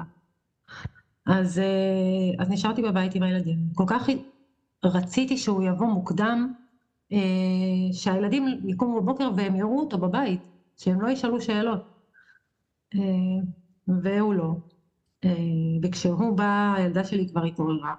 וכשהוא בא, אז היא שאלה, אבא, איפה היית? מה, לא היית פה בלילה? ואז, ואז הוא אמר לה, לא, אני הייתי אצל חברה שלי כל הלילה. ו... ואני מבחינתי, העניין הזה של חברה שלי, זה לא, זה לא משהו שעניין אותי, כמו שלא עניין אותי, ש... כי אז הייתי, ב... שוב, בערך העצמי הנורא נמוך, כמו שלא עניין אותי אז שהוא, שהוא אמר שמה שעשיתי לה ובגדתי בך, עניין אותי זה שהוא עירב את הילדה, שהוא עירב את הילדים. זה מבחינתי היה לי סכין. אני לא רציתי שהילדים יגדלו בצורה כזו. אמ, ולא ידעתי מה לעשות. אמרתי, אוקיי, אני עכשיו, אני לא יודעת מה, אני הולכת. אני הולכת, אני חייבת ללכת. למזלי, החבאתי אה, 50 שקל בגרביים. בתוך גרביים נשארו לי 50 שקל. לא היה לי כסף, לא היה לי שום דבר, כי זה רק ממנו. אמ, ולקחתי אותם, וזה היה יום שבת. ואמרתי, אוקיי, אז אני אסע לתחנת דלק, ואני אשב שם, ואני ארגע, אני לא יודעת מה, אני אקנה לי סיגריות, אני לא יודעת. ובאמת הלכתי, אה, אני באה לאוטו, והאוטו לא מניע. עכשיו, לפני עשר דקות הוא חזר הביתה. איך האוטו לא מניע פתאום? ואני עולה הביתה ואני אומרת לו, האוטו לא מניע, מה, מה קרה לו? מה? לא קרה שום דבר, מה קרה? למה הוא לא מניע? אני נסעתי איתו, אני לא יודע, אין לי מושג. בטח את המצבר או משהו. בול. זה מה שהוא עשה. אני רואה יותר מדי סדרות. זה מבינה, אבל הסדרות האלה זה החיים שלי. זה אבסורד, אני כאילו יודעת, אני מקשיבה לך.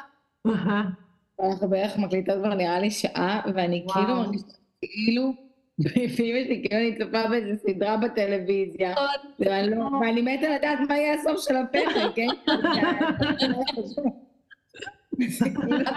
דנה, הסוף יהיה טוב, תראי אותה. אני רואה אותה.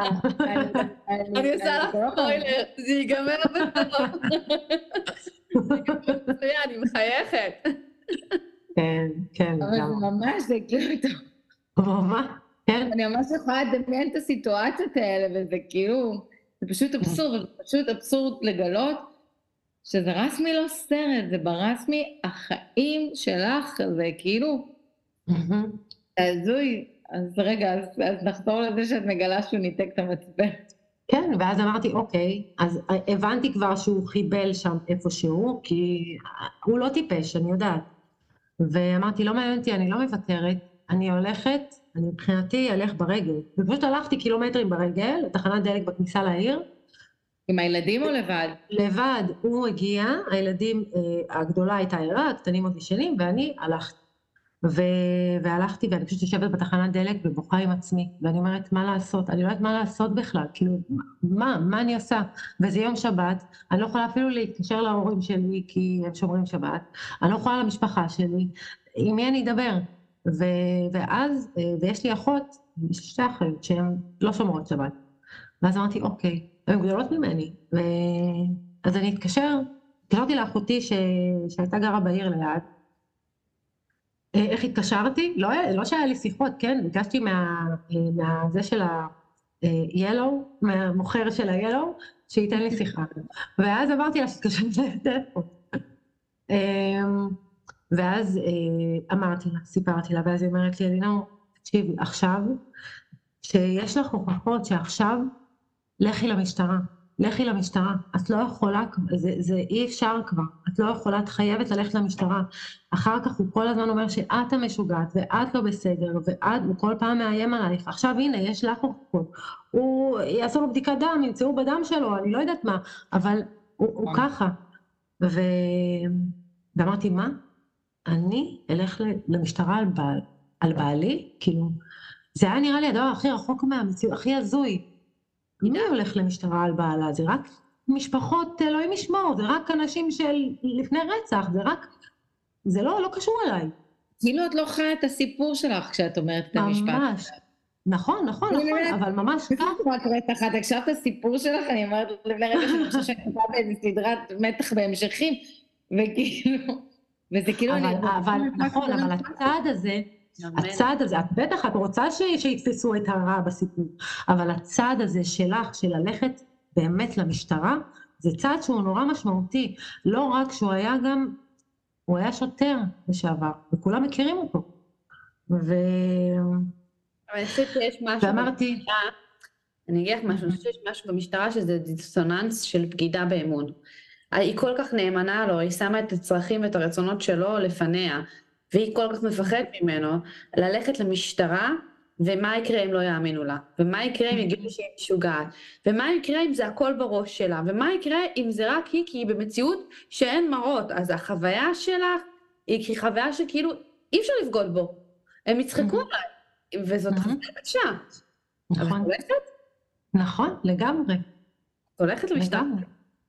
אז, אז אני פשוט אמרתי, אוקיי, אבל איך בכלל אני אלך למשטרה? המשטרה בקצה השני של העיר, ואיך אני אלך? ואז אמרתי, אוקיי, יש לי את ה-50 שקל, אני אקח מונית ספיישל, ואני אסע לתחנה. אותך לא מציעה לעבור איתך או משהו כזה? אז אחותי אמרה, אז אחותי אמרה לי, אומרת, תקשיבי, את הולכת לתחנת משטרה, אני עוד שעתיים מתקשרת אלייך, אחרי שהם כאילו ייקחו עדות ממך, ואני באה לאסוף. ואז באמת אמ, הלכתי. אני, אני, אני עמדתי אולי 40 דקות ככה, מחוץ לתחנה, ממש ככה, ומסתכלת על התחנה, ואני מפחדת פחד מוות להיכנס לתחנה, כי, כי, כי כולם מכירים אותו, ועכשיו אם אני אגיד, אז, אז עכשיו הוא יגיד שאני משוגעת, ויקח לי את הילדים, ועכשיו זה, אני לא יודעת מה, מה הכוח שלי? לא יש כוח, לי אין כוח, ומי יאמין לי? אין לי, אין לי באמת הוכחות ממש שזה, כי, לאלימות הנפשית הזו קשה למצוא הוכחות. זה, זה מה שאת מרגישה ואיך שאת חווה אותה. ו... ואני זוכרת, עזרתי אומץ אחרי 40 דקות, נכנסתי לתחנה, ואני אומרת להם, אה, שלום, אני אומרת ליומנאי, אני רוצה להגיש תלונה. הוא אומר לי, אוקיי, מה השם? אמרתי לו, מה השם של, על מי את רוצה להגיש תלונה? ואז אמרתי לו, ואז הוא הסתכל עליי, ואז הוא אומר, מה, את עושה ממני צחוק? אני לא לוקח תלונה. ככה. חצוף.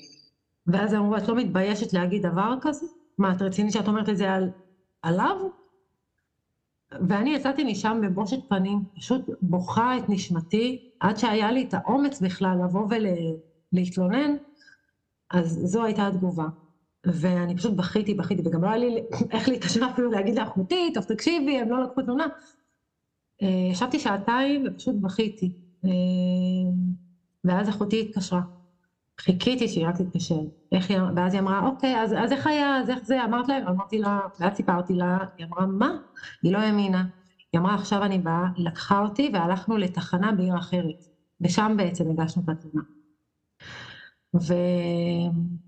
ואז... הוא מתקשר אלייך? כאילו, הרי אין לך זכות, אז הוא לא מתקשר אלייך בזמן הזה כי הוא לבד עם הילדים וכבר עובר... כן, הוא לא מתקשר, לא, לא. הוא, הוא לא, אין לו מושג ש, שזה מה שאני עושה, הוא בטוח שאני עוד אה, דקה, שתיים חוזרת. כאילו, אין... אה, וכי אין מצב שאני אעזוב את הילדים, ואין מצב שהם יישארו אה, הרבה זמן, כאילו.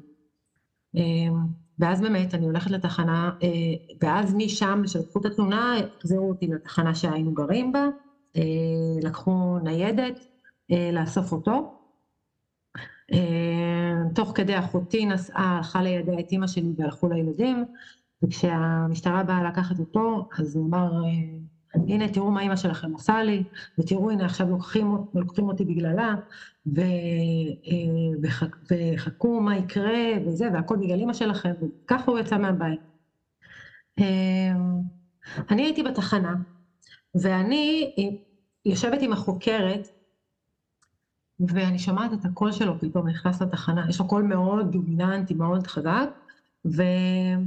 וכשאני שמעתי מרוב הפחד, זה, זה פחד משתק, שאני לא, אני אפילו לא יכולה לתאר את עוצמת הפחד שהייתה באותו רגע, כי, כי זהו, כי, כי ללכת למשטרה ולהגיש תמונה ולהגיע למצב כזה, זה זהו, זה פשוט, הוא בטוח יהרוג אותי. ואני זוכרת, אני פשוט קפצתי מהכיסא ונצמדתי לקיר ופשוט התחלתי לח... ככה, אם יכולתי להיכנס לתוך הקיר ככה, ואני כולי באמוק של פחד, רוצה להיכנס לקיר, החוקרת קמה ופשוט חיכה אותי ואמרה, תירגעי, תירגעי, הוא לא, אה, נו, הוא לא ישמע אותך, אה, לוקחים אותו למקום אחר. וזהו, ומאז אה, לקחו אותי אה, לבית, ואמרו לי, תקשיבי, אה, אנחנו רוצים, אנחנו רוצים שתגיעי לרווחה בעיר, ו... והם רוצים לדבר איתך וכו'. הלכתי, פעם ראשונה בחיים שלי הלכתי לרווחה, ואז אמרו לי שאני צריכה ללכת למקלט. יש דברים... מעצר, סליחה שאני קוטעת, אז מה? כאילו, זה היה יום שבת, אז מנחש שלא הלכת לרווחה ביום שבת. לא, לא, לא, ביום ראשון. ביום שבת זה היה, ואז חזרתי יום ראשון כבר... הוא בכלא, כאילו בתחקירים שם. במעצר. הוא היה במעצר, כן. ו... סיפור... מה? עשו אצלו סמים בבדיקות דם, או שלא עשו לו? אז uh, יותר מזה, למה, למה נלך לחוק? מרוב, ש... מרוב הקשרים שהיו ומרוב uh, כל ה... uh, הסימפתיה שיש לו מהסביבה, כשהוא היה במעצר, המפקד תחנה ישב איתו, הביא מגש פיצה והם ישבו ביחד. הוא אמר לו, אל תדאג, אני אוציא אותך מכל זה. יש תלונה עליהם אחר כך? לא. מח"ש? מעניין. לא, לא. כשהייתי במקלט ובאמת סיפרתי את זה, אז... אז הם, אה, הם אמרו לי שהם רוצים, הם אמרו גם, הם דיברו איתם, עם התחנה, והם ממש אה, אה, זעמו ונתנו את זה בראש ורצו להתלונן על זה, זה היה ממש כאילו אישו. אישו מאוד רציני. אני יכולה להגיד לך שלי את החוויה הלא פשוטה במשטרה, כשהגשתי, גם אצלי הייתה חוויה, הוא לא היה שוטר או משהו כזה, אבל התחושה שנתנו לי זה ש... את כועסת, וזה יעבור, זה סכסוך ביניכם, את סתם ממציאה עליו. ואנחנו ניתן לו את השקט שלו, אה, וזהו, אז אני יכולה, זה לא דומה לשלך בכלל, אבל הם לא נחמדים שם, זו לא חוויה קלה. אני שומעת אתכם, וכאילו אולי בגלל שאני לא חוויתי, אז כאילו בראש שלי, כאילו, אני אומרת, מה זה כאילו התעלמות? הופכת להם את השולחן עכשיו, עכשיו מוציאה גם את הטלפון, מראה להם ברשתות. דנה. אבל זה מה שאני אומרת, בגלל שאני לא באה מהמקום שכאילו כל ההקטנה הזאת והפחדים וכל הדברים האלה... אבל זה אפילו מעבר, כי אני אגיד, אני יכולה... חבל לי, רגע, וזה חבל לי שמערכות כמו המשטרה, כאילו איפשהו מנצלות את הסיטואציה הזאת שהצד השני כאילו לא חזק מספיק באמת, כאילו על להתעקש, על, על לעמוד על הרגליים האחוריות, כמו שבמרכאות בן אדם שבא מסיטואציה יותר בריאה יקום ויהפוך שולחן. משהו, אני, אני זוכרת חוויה שהם פתחו תיק, וכשאמרו לנו פותחים תיק במשטרה, הם ממש הוציאו תיקייה לבנה וכתבו את השם שלו עליו. והחוויה שלי הייתה שוואי, זה הבעל שלי. זה לפני שנייה חלקנו מיטה. זה אני עושה לבעל שלי? זאת חוויה נכון. שהיא נכון. היא, היא, היא גומרת לך את החמצן, אני לא יכולתי לחתום על ההצהרה. נכון. אני חושבת שזו הייתה חוויה מאוד מאוד מאוד מאוד טראומטית. זו בגידה התחושה היא שאת בוגדת בו בכל צורה. לגמרי. את בעצם בוגדת בעצמך, וזאת חוויה, כאילו בעיניי, זה כאילו מישהו בא לקח לי אקדח, שם לי אותו בראש ואומר לי זה או את או הוא. עד כדי כך, כדי שתגיעי למצב שצריכה להגיש תלונה, או את או הוא. ו... אז אני... האם זה לא נכון ללכת בסיטואציה כזאת עם מישהו שכן כאילו יודע לדבר והכל, כדי שהוא זה שבעצם... פותרים אותך, את צריכה לתת את זה. כאילו, כי אצלך במקרה שלך, מזל שאחותך הייתה איתך וכאילו חשבה ללכת לתחנת משטרה אחרת, כן? נכון. שכדי לפחות להניע את הדבר הזה. וכאילו אני אומרת, אולי זה באמת חשוב שאם מישהי כבר הולכת, או מישהו הולך ומתלונן על בן או בת הזוג, זה ללכת עם מישהו שכאילו רואה את המעבר כרגע למצוקה הפנימית שיש למי שנמצא בתוך החוויה. נכון. ולא רק בשביל הקבלה הזו. קבלה עד לחקירה, כן. ואז מה, מתפנה למקלט? לוקחת את הילדים ומתפנה למקלט? אה, אז, אז לא כל כך מהר, אה, זאת אומרת, אה, אומרים לי, טוב, תקשיבי, חקרו אותו, ובגלל שהיו שם, נפתחו עוד דברים, ועוד דברים של משפחות, כמו שאמרנו, שהן פחות לגיטימיות, אז זה ממש עבר כבר לימ"ר, ונכנס ממש להילוך גבוה. אמ, ואז, אה, ואז זימנו אותי עוד פעם לחקירה מהמשטרה, כבר אז כבר הייתי צריכה ללכת לחקירה בימ"ר, כי זה עלה כבר לשם. ו... ולאחר מכן אמרו לי, טוב, מפה את הולכת שוב לרווחה.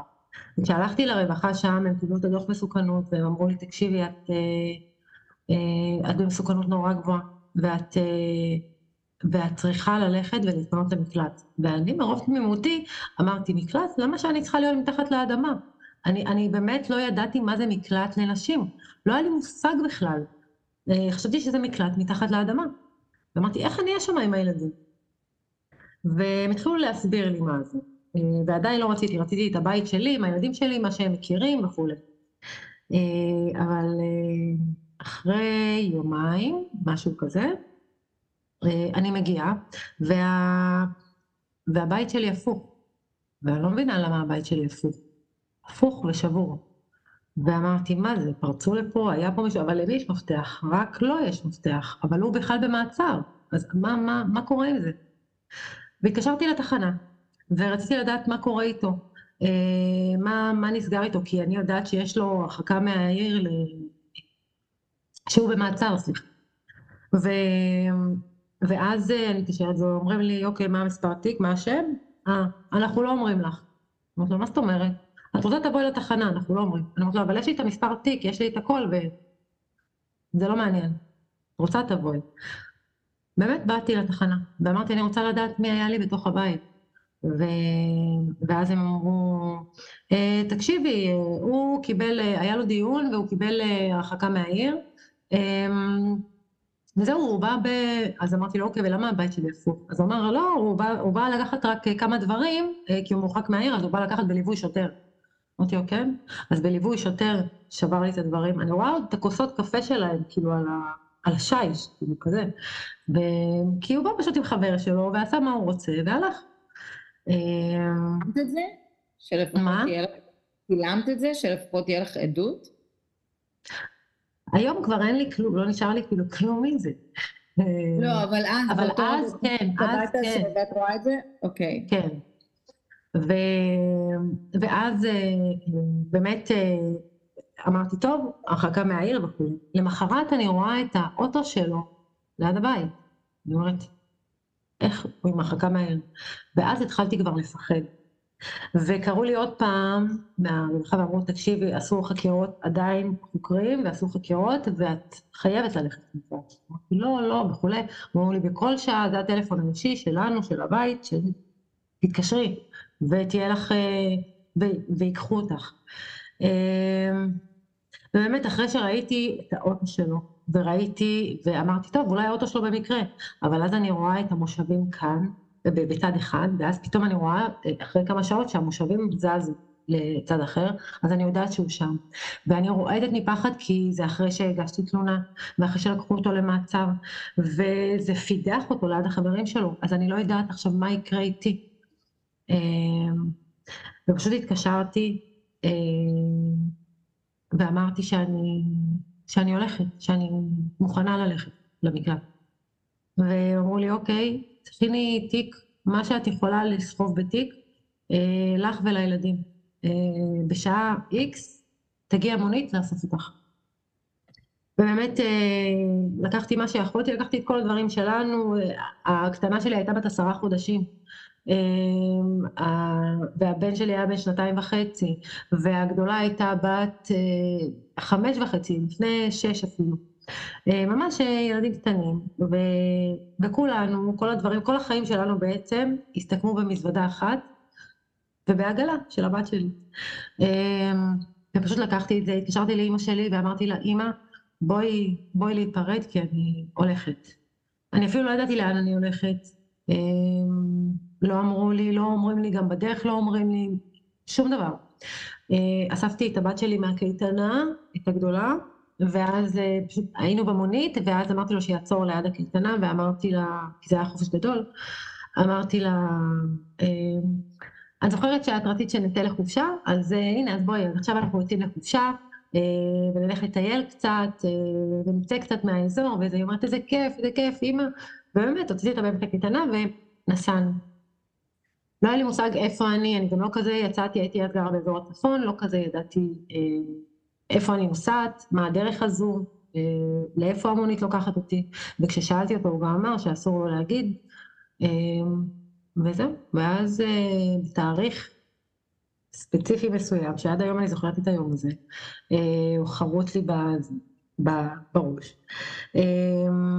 אני ושלושת הילדים שלי, הקטנים, אחת בעגלה, אחד על הידיים ואחת ביד, נכנסים למקלט. אה, מקלט שהוא כולו חומות ושערים חשמליים, ופתאום אין לך טלפון ואין לך קשר עם העולם החיצון, ואת עם עוד 15 אה, נשים שאיתך ועם עוד ילדים שעברו דברים בחיים וכולם, יש להם רובם הפרעות התנהגות, וזה נורא נורא נורא קשה, את באה ואת כולך עדיין בטראומה שאת יצאת, שאת בתוכה עדיין, וכשאני זוכרת שאני הגעתי למקלט, הדבר הכי מרכזי שהיו שמים לב אצלי, זה, כש, זה שהייתי פשוט כל מקום, אני ישר הייתי קולטת איפה יש מצלמות, הייתי מסתכלת על שקעים, כי, כי בכל השקעים בבית היה לי האזנות, ובכל המקום, אפילו בוונטות שבשירותים היה, אז, אז בכל דבר היה, אז, אז אני כל דבר, כל חדר הייתי חוקרת, הייתי נורא, היה לי פוסט טראומה ממש מזה. ו, ולקח לי תקופה, תקופה, היינו שם חצי שנה במקלט, אה, תקופה שהיא לא פשוטה. אה, הבת שלי חגגה שם שנה, את השנה הראשונה שלה, הבן שלי במקום גן עירייה אז הוא היה בגן ששם, והגדולה שלי התחילה כיתה א' שם.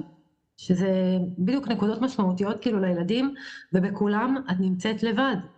ואין את האבא, אין, אין לך אף אחד, גם לא את אימא, גם לא את, את אבא שלך, כאילו אין, אין אף אחד. פוגש את הילדים כל התקופה הזאת, או ש... אז, אז הוא לא פוגש את הילדים. הוא אה, אחרי כמה זמן אחרי, אני חושבת ארבעה חודשים, כבר התחילו לדבר על עניין של מרכז קשר, וזה היה בתנאי שהוא יגיע לרווחה באותה עיר ויראה נכונות ופגישות וכולי. ו... ואז באמת, בהתחלה אה, היו לוקחים את הילדים שיפגשו איתו במרכז קשר, בשביל שלא יהיה בינינו אה, קשר. ו...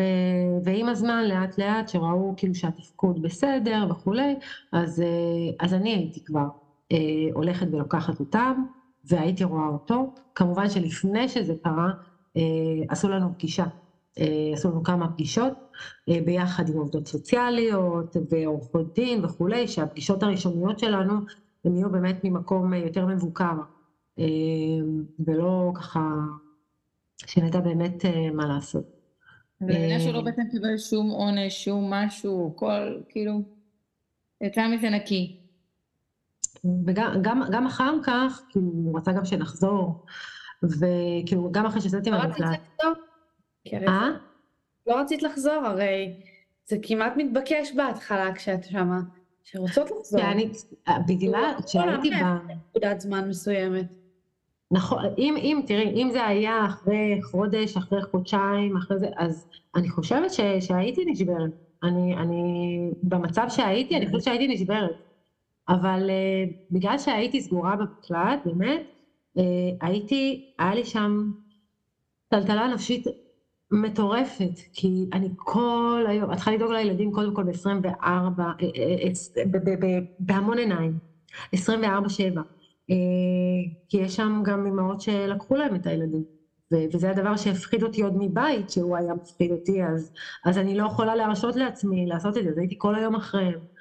אמ, ואת, ואת עם עצמך ובלילות, או מתי שהם בגן, או משהו כזה, את פשוט מתפרקת, אבל מתפרקת בצורה מטורפת, ממש, זה בכי מפרק שלא מפסיק, בכי מתוך הנשמה, ממש ככה, ואת כל הזמן בלביטים, אולי אני אשמה, אולי זה היה, אולי אם הייתי מתנהגת ככה, אולי אם הייתי, אולי אם לא הייתי מפרקת, הרי הנה עכשיו אני פירקתי את הבית, אני עזבתי, אני יכולתי להישאר עוד, יכולתי לספוג עוד, יכול, אולי זה היה משתנה, כל הזמן יש לך את הספק העצמי הזה והאשמה הזו. זהו, עד שהגיע הרגע שיצאנו באמת מהמקלט, אה, אחרי חצי שנה. אמ, ואז פתאום הגענו לבית אה, משלנו. ההורים שלי עזרו לי באמת, כי, כי לא היה לי שום דבר. כשאני הייתי במקלט אז גיליתי בעצם שאין לי אפילו חשבון בנק. אני לא יכולה לעשות שום דבר, כי הוא... הוא לקח המון כספים והלוואות וזה, ואני לא הייתי מעורבת בבנק, חוץ מכשחתמנו, שחתמתי על חשבון משותף. אז, אז זהו, אז כל, הייתי, יצאתי משם מוגבלת בנק ישראל, שאני לא ידעתי אפילו מה זה אומר. Uh, אפילו בבנק הדואר לא רצו לפתוח לי חשבון. Uh, לא היה אפילו, גם, גם אפילו מזונות או מדור או משהו, לא היה איך להעביר אותם.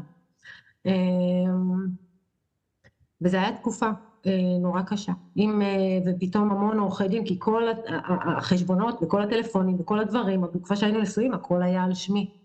ובתקופה שהייתי במקלט אז כמובן שום דבר לא שולם ושומש, כן? אבל, אה, אבל זה על שמי, אז על שמי, אז מבחינתו זה לא מעניין. בכל אופן.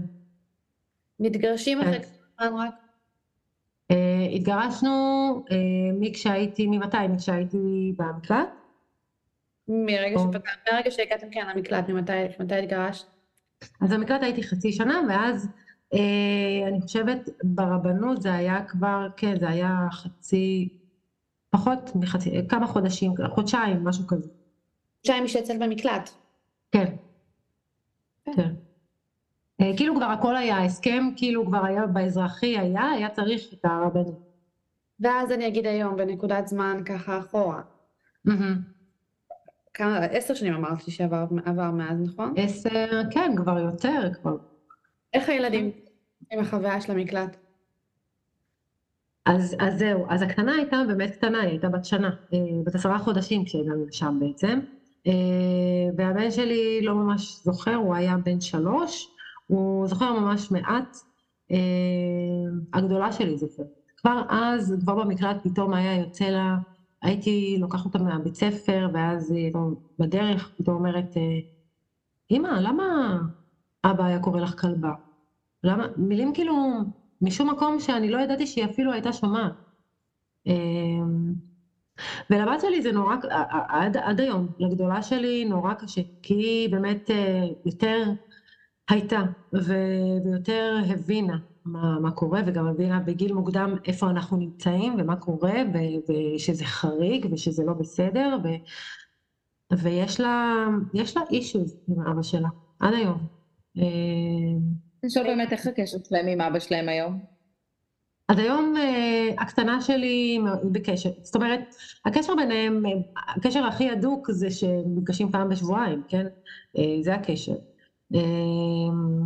הוא כבר מאז חזר בתשובה, והוא דתי והכול, ואנחנו, אנחנו מסורתיים כזה, קצת פחות. אז, אה, אז זהו, אז הילדים גם יותר, אה, פחות מעניין אותם אה, להיות שם. זה גם אין, אין, אין הרבה יחס שם, אז עכשיו בשנים, בתקופה האחרונה, שנתיים נאמר, שלוש האחרונות, אז הוא יותר עושה השתדלות, ויותר כשהם מגיעים אז הוא מתייחס אליהם.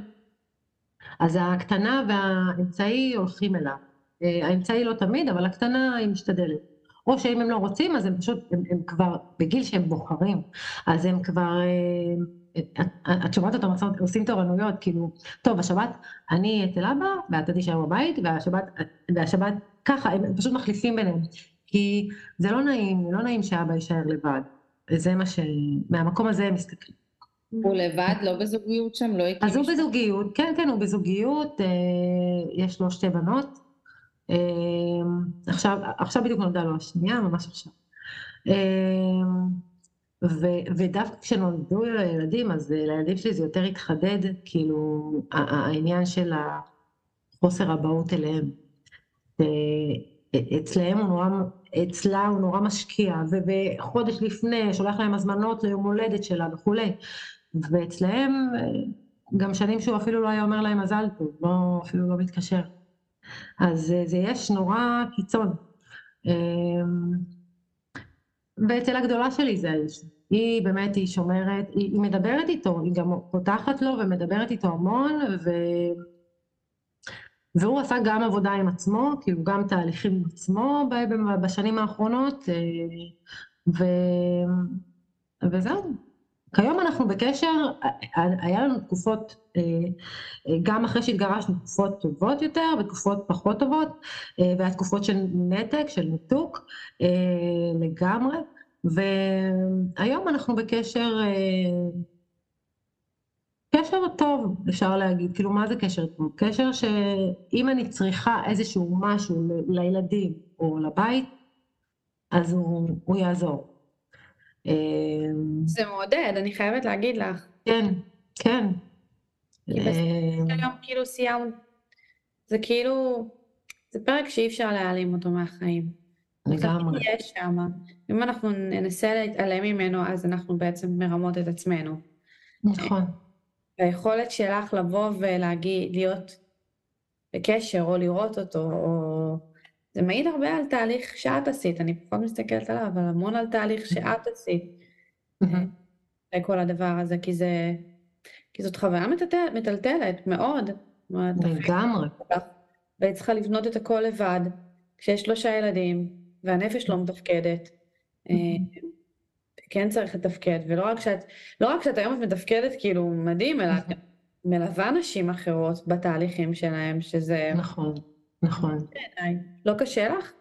לחוות שוב ושוב? אמ, לא, זה היה לי נורא מדהים דווקא לראות, זה, זה נורא, זה לא היה קשה לי ולא היה קל לי, אבל זה היה חלק גם מהריפוי שלי עצמי, שאני רואה ממש דפוס ואני רואה אחת-אחת כמה שהן מספרות, ואת רואה על התנהלויות שהן ממש דפוס באותה תבניתיות, ואותה מילים, ואותה מניפולציות, ואז אומרת, רגע, אז זה לא רק אני. אז אני לא דמיינתי גם, אני לא משוגעת, זה באמת, יש תוקף לכל מה שעברת. ו... וכשאת באה מהמקום הזה כבר, ואחרי, כמובן, אחרי שכבר, אה, אחר כך הלכתי, ואחרי שאני עצמי עברתי תהליך עם עצמי, אז אה, באמת הלכתי ללמוד וכולי, ולהתמקצע, ואמרתי, אני רוצה להיות, זה בא מתוך המקום של לי לא היה למי ללכת. לי אף אחד לא הסביר מה אני עוברת, ממה אני בורחת בכלל, איך קוראים לדבר הזה, מה, מה, מה קורה, זה, זה יכול להיות, זה באמת, זה, מה, זה רק הוא, או שיש עוד כאלה. לא ידעתי בכלל מה קורה איתי וגם מה אני עתידה לעבור. אמ, אז אמרתי, זהו, אני רוצה, אני, כמו שאומרים, מרימים את הכפפה ולא אכפת לי להסיר את המסכה ובאמת אה, להיחשף ולעזור לנשים אחרות. להיות אני המישהי הזאתי שאם יש להם איזושהי שאלה או אם הן לא בטוחות או אם הן מעוררות, מעוררות במה שהן אה, חוות, אני כאן, זאת אומרת, אני כאן ולהראות להם את הדרך באמת איך לצאת מזה, ואיך אפשר באמת לצאת מתוך המערכת הזו בצורה בריאה, וגם לחיות תוך כדי, עד שאת מקבלת כוחות גם לצאת משם, כי זה לא רק לצאת, וגם מה שאחר כך את הולכת ועתידה לעבור, כי המון יוצאות ואחרי זה חוזרות. אז uh, באמת גם בזה, ויש את כל הכאב וההאשמה, uh, אז uh, גם בזה לעזור לאנשים. חושבת שחלק מהעניין הוא ש, שבלצאת מזה, את בעצם המון צריכה להתמודד עם השדים של עצמך. לגמרי. חיים כלכליים, mm-hmm. החיים ממשיכים במרתון, ואת אמורה להתמודד עם כל הדבר הזה, אז אני לגמרי יכולה להבין למה הצורך בלחזור של נשים. ואז אני מסתכלת עלייך ואני אומרת, וואו, וואחד סיפור הבאת פה, כאילו, וואו, מטורף, מטורף, מטורף, מטורף, מטורף. ועוד יותר מטורף זה לראות את המקום שאת נמצאת בו היום, וכמה mm-hmm. שאת, שאת מספרת, אז, אז כאילו, אי אפשר לראות את הפנים שלך, אבל המימיקות בפנים של הכאב והעצב והשמחה והחוזק והחולשה, והכל אה, מתערבב פה על המסך ב, בצורה mm-hmm. אה, כל כך מדהימה, וזה כל כך מרגש, כי אני חושבת שזה נותן, כאילו, לפחות לי, ים תקווה. ים mm-hmm. תקווה, באמת, שכאילו, אחרי הדבר כל כך קשה, אפשר mm-hmm. לחייך ואפשר לנשום ולהגביא את עצמך ממקום שהיית נעולה וכלואה וסגורה, ואת אומרת דיכוי, המילה הזאת, כל פעם שאמרת אותה, הגוף שלי התכווץ, עבר דיכוי כל כך חזק, ו... והבאת את עצמך למקום כל כך גבוה ו... ובכוחות עצמך, זאת אומרת, אחרי שמישהו דאג לה, מישהי פעם אמרה לנו ב... באיזה, בפודקאסט על ג'וק שמועכים אותו, כמו ג'וק mm-hmm. שמועכו אותו וכיסחו אותו לגמרי, וקמת מהעפר, וזה מדהים, מדהים, מדהים, מדהים, ומרגש כל כך, באמת, אין לי מילים. תודה. אז אני רוצה לקחת את כאילו לסיכום, כן? כאילו להרגיש שהזמן פתח, להמשיך עוד לדבר עוד ים. לגמרי. מה לך, כאילו באמת להגיד ככה, ככה כסיכום, שמי שמאזין, מאזינה לפרק הזה, ייקחו איתם, לא יודעת, ישימו לב, מה המסר שלך? אני רוצה, אז, אז יש כמה דברים. אני, אני רוצה שכל מי ששומעת את זה, אמ, תתחילי לראות, אם את לרגע יש לך איזשהו ספק, את מרגישה לא טוב, לא בנוח, את לא מרגישה עם אנרגיות בתוך הבית שלך, את לא רוצה, את מתמהמת אפילו לפני שאת נכנסת לבית שלך, לא כל כך בא לך אפילו להגיע לבית שלך, יש סיבה לזה. ותקשיבי לעצמך. תסתכלי, אני, אני תמיד אומרת, להסתכל על מעשים, לא על דיבורים. אנשים יכולים, או הבן זוג יכול להגיד לך מפה עד הודעה חדשה מה שתרצי, ולזכור שהאנשים מתעללים או אנשים נרקסיסטים זה אנשים שבאופן יומיומי מילדות הם כבר לומדים מניפולציות, כי ככה הם שורדים בעולם. אז הם אלופים במניפולציה. אז לא לשים לב רק לדיבורים, שים לב למילים, לפעולות, סליחה, ולמעשים שהם עושים. לזה לשים לב. ו... ועוד דבר שאני ארצה לומר זה שהדבר היחיד שתשמרי, הכי חשוב שתשמרי אצלך ועם עצמך לאורך כל הזמן, גם אם את במקום הכי חשוך ושחור ואת לא יודעת איך לצאת, זה תמיד תמיד תמיד להאמין בשינוי. ואני לא מדברת על שינוי שלו או שינוי שלה, אני מדברת בשינוי, השינוי אפשרי, את בתוכך, את יכולה לעשות את השינוי. כי השינוי, אנחנו לא יכולות לשנות את הבן זוג שלנו, לא יכולות לשנות אף אחד מאיתנו, רק את עצמנו. זה מה שבסופו של דבר אנחנו יכולות לשנות. אנחנו יכולות לייעץ, להמליץ, לעזור, אבל בסופו של דבר השינוי זה רק הבן אדם מחליט על השינוי. ובכל אחד מכם יש לה עשר אצבעות שלה, יש לה לב פועם, היא יכולה לצאת משם. להאמין בשינוי, מאפס, גם אני מאמינה שבשביל השקט הנפשי שלך, גם אם תהיי באוהל ברחוב, זה שווה הרבה יותר מאשר להיות בארמון שהוא כלא. אין, אין לי ספק בזה בכלל. ואני רוצה לתת תקווה לכל כך הרבה נשים שנמצאות במקום אה, נמוך וקשה ולא יודעות, או שמתוסכלות עם עצמם, או שמרגישות אשמות, או שהן אה, לא יודעות בכלל איך הן חיות ואיך הן הגיעו למצב הזה, אה, או שעכשיו מבינות שהן במצב הזה, שאפשר לשנות. ו... ואתן שוות, ואתן חשובות, ואתן ראויות לחיים כל כך טובים, והתודעה שלכם יכולה כל כך כל כך לגדול. אה, אני יכולה להגיד מהמקום שלי שגם כשאני אה, אה, אמרתי לעצמי, אוקיי, אז אני יוצאת מהמקום הזה, אפילו לא היה לי בתודעה לאיזה גבהים אני יכולה להגיע או לאיזה מקומות. אמרתי, אוקיי, אז אני רק אתגרש, אני רק אעזוב, והנה, ואני אחיה את החיים שלי, וזהו. את אפילו לא יודעת לכמה את מסוגלת. וכל אחת ואחת ששומעת את זה מסוגלת לכל כך, כל כך הרבה, אמ, ולאט לאט כשמוציאים ובאמת מנקים קצת את האפוריות ואת הפילטרים האלה של כל, של הטראומות והחוויות האלה, ומבינים באמת מה אנחנו עברנו, משם התודעה שלנו יכולה רק לגדול, וכל פעם רק לצמוח יותר ויותר גבוה, רק להאמין. וזהו. קודם כל אני רוצה להגיד באמת תודה, כאילו באמת על א', על האומץ אה, לבוא לדבר, וככה בגלוי. על הכנות של לבוא ולספר את הסיפור, כאילו מבלי לחשוש במה יגידו ומה חושבים והכל, ו... וזה, את פשוט בן אדם חזק ומעורר הערצה, וכל, עם כל מה שעברת, את כאילו לא רק עומדת על הרגליים, את עומדת על הרגליים האחוריות במקום שאתה אפשר להגיד, זה כאילו, כאילו החוזק, את העצומת נפש שלך, זה שאת יכולה היום להיות איתו גם בקשר הזה והסלחנות הזאת ולהמשיך, זה פשוט פשוט פשוט מדהים וכאילו, וגם אפילו מלשמוע, כמו שאת אומרת על הילדים שהם לא רוצים להשאיר את אבא לבד, למרות שלאבא כבר יש בת זוג עם שני ילדים, זה רק בעיניים מראה על מי את, שהצלחת לגדל את הילדים שזאת המחשבה שלהם על אבא שלהם, מבלי טראומות, או שנאה, או סלידה, כאילו, זה שאפו לך, זה באמת שאפו לך שהילדים גדלו בלי זה, כאילו שאני אומרת מה זה סריטות, כולנו סריטות, בואו, כולנו בני אדם, כולנו סריטות, גם מבית טוב יוצאים סריטות. לגמרי. אבל כאילו הם לא יצאו, לא יודעת, אני קצין רגע למקום הזה עברייני, לילדים עם איזה הפרעות מטורפות, יש להם כאילו את הערך הכל כך מדהים הזה. יש להם ערכים מטורפים, נכון. נכון. זה מדהים וזה שאפו, וזה שאפו לך, זה לא שאפו להם, זה שאפו לך, כאילו, עם כל מה שעברת, כל מה שהתמודדת, וזה כאילו מה שהם לקחו מכל הדבר, מה, מהדברים האלה, את הערכים האלה, זה פשוט מדהים. אז באמת, תודה, תודה, תודה רבה לך על הדבר הזה, ואני מזמינה שכל מי שכאילו מרגישה שהיא חובה ורוצה לדבר איתך ולהתייעץ, אנחנו גם נשים את הפרטים, עם כמובן זה, ו... ו כאילו, ואפשר ליצור קשר, ואני מקווה שלקחו מפה באמת השראה שהשינוי הזה הוא אפשרי.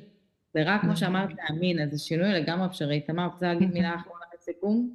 היה לתת לך חיבוק, אין לי מילה, אין לי מילים. באמת, באמת. וואי, מרגשת, אני מרגישה כאילו ירדנו מרכבת הרים, הסיפור שהיה למעלה ולמטה, והמתח והסטרס, וה, וההתרגשות והכאב, וים של רגשות, ו, ולראות אותך ככה, ולקרוא את מה שאת כותבת, ולהבין איך את מצליחה לדייק את זה, ולהעביר את זה במילים מאוד יפות, ולתמוך בנשים אחרות. שאפו, יקירה, אין לי מילים להגיד. תודה. תודה. תודה. ואני באמת מאחלת לכל אחת ש, שרק תצמח מהמקומות האלה ו, ותוציא את זה ותעלה תודעה ותגביר. כל אחת היא שליחה באמת של, כל, של הנושא הזה. כל אחת מאיתנו. אז תודה. ותודה לכם שאירחתם אותי אה, בפודקאסט המקסים הזה, והמלא בחסד הזה אה, שאתן עושות. כל הכבוד לכם על, ה, על כל המיזם הזה ועל האנרגיות וה, והרעיון. פשוט מדהים כמה שאתן עוזרות לנשים אחרות. זה מדהים, זה פשוט עבודת קודש מבחינתי.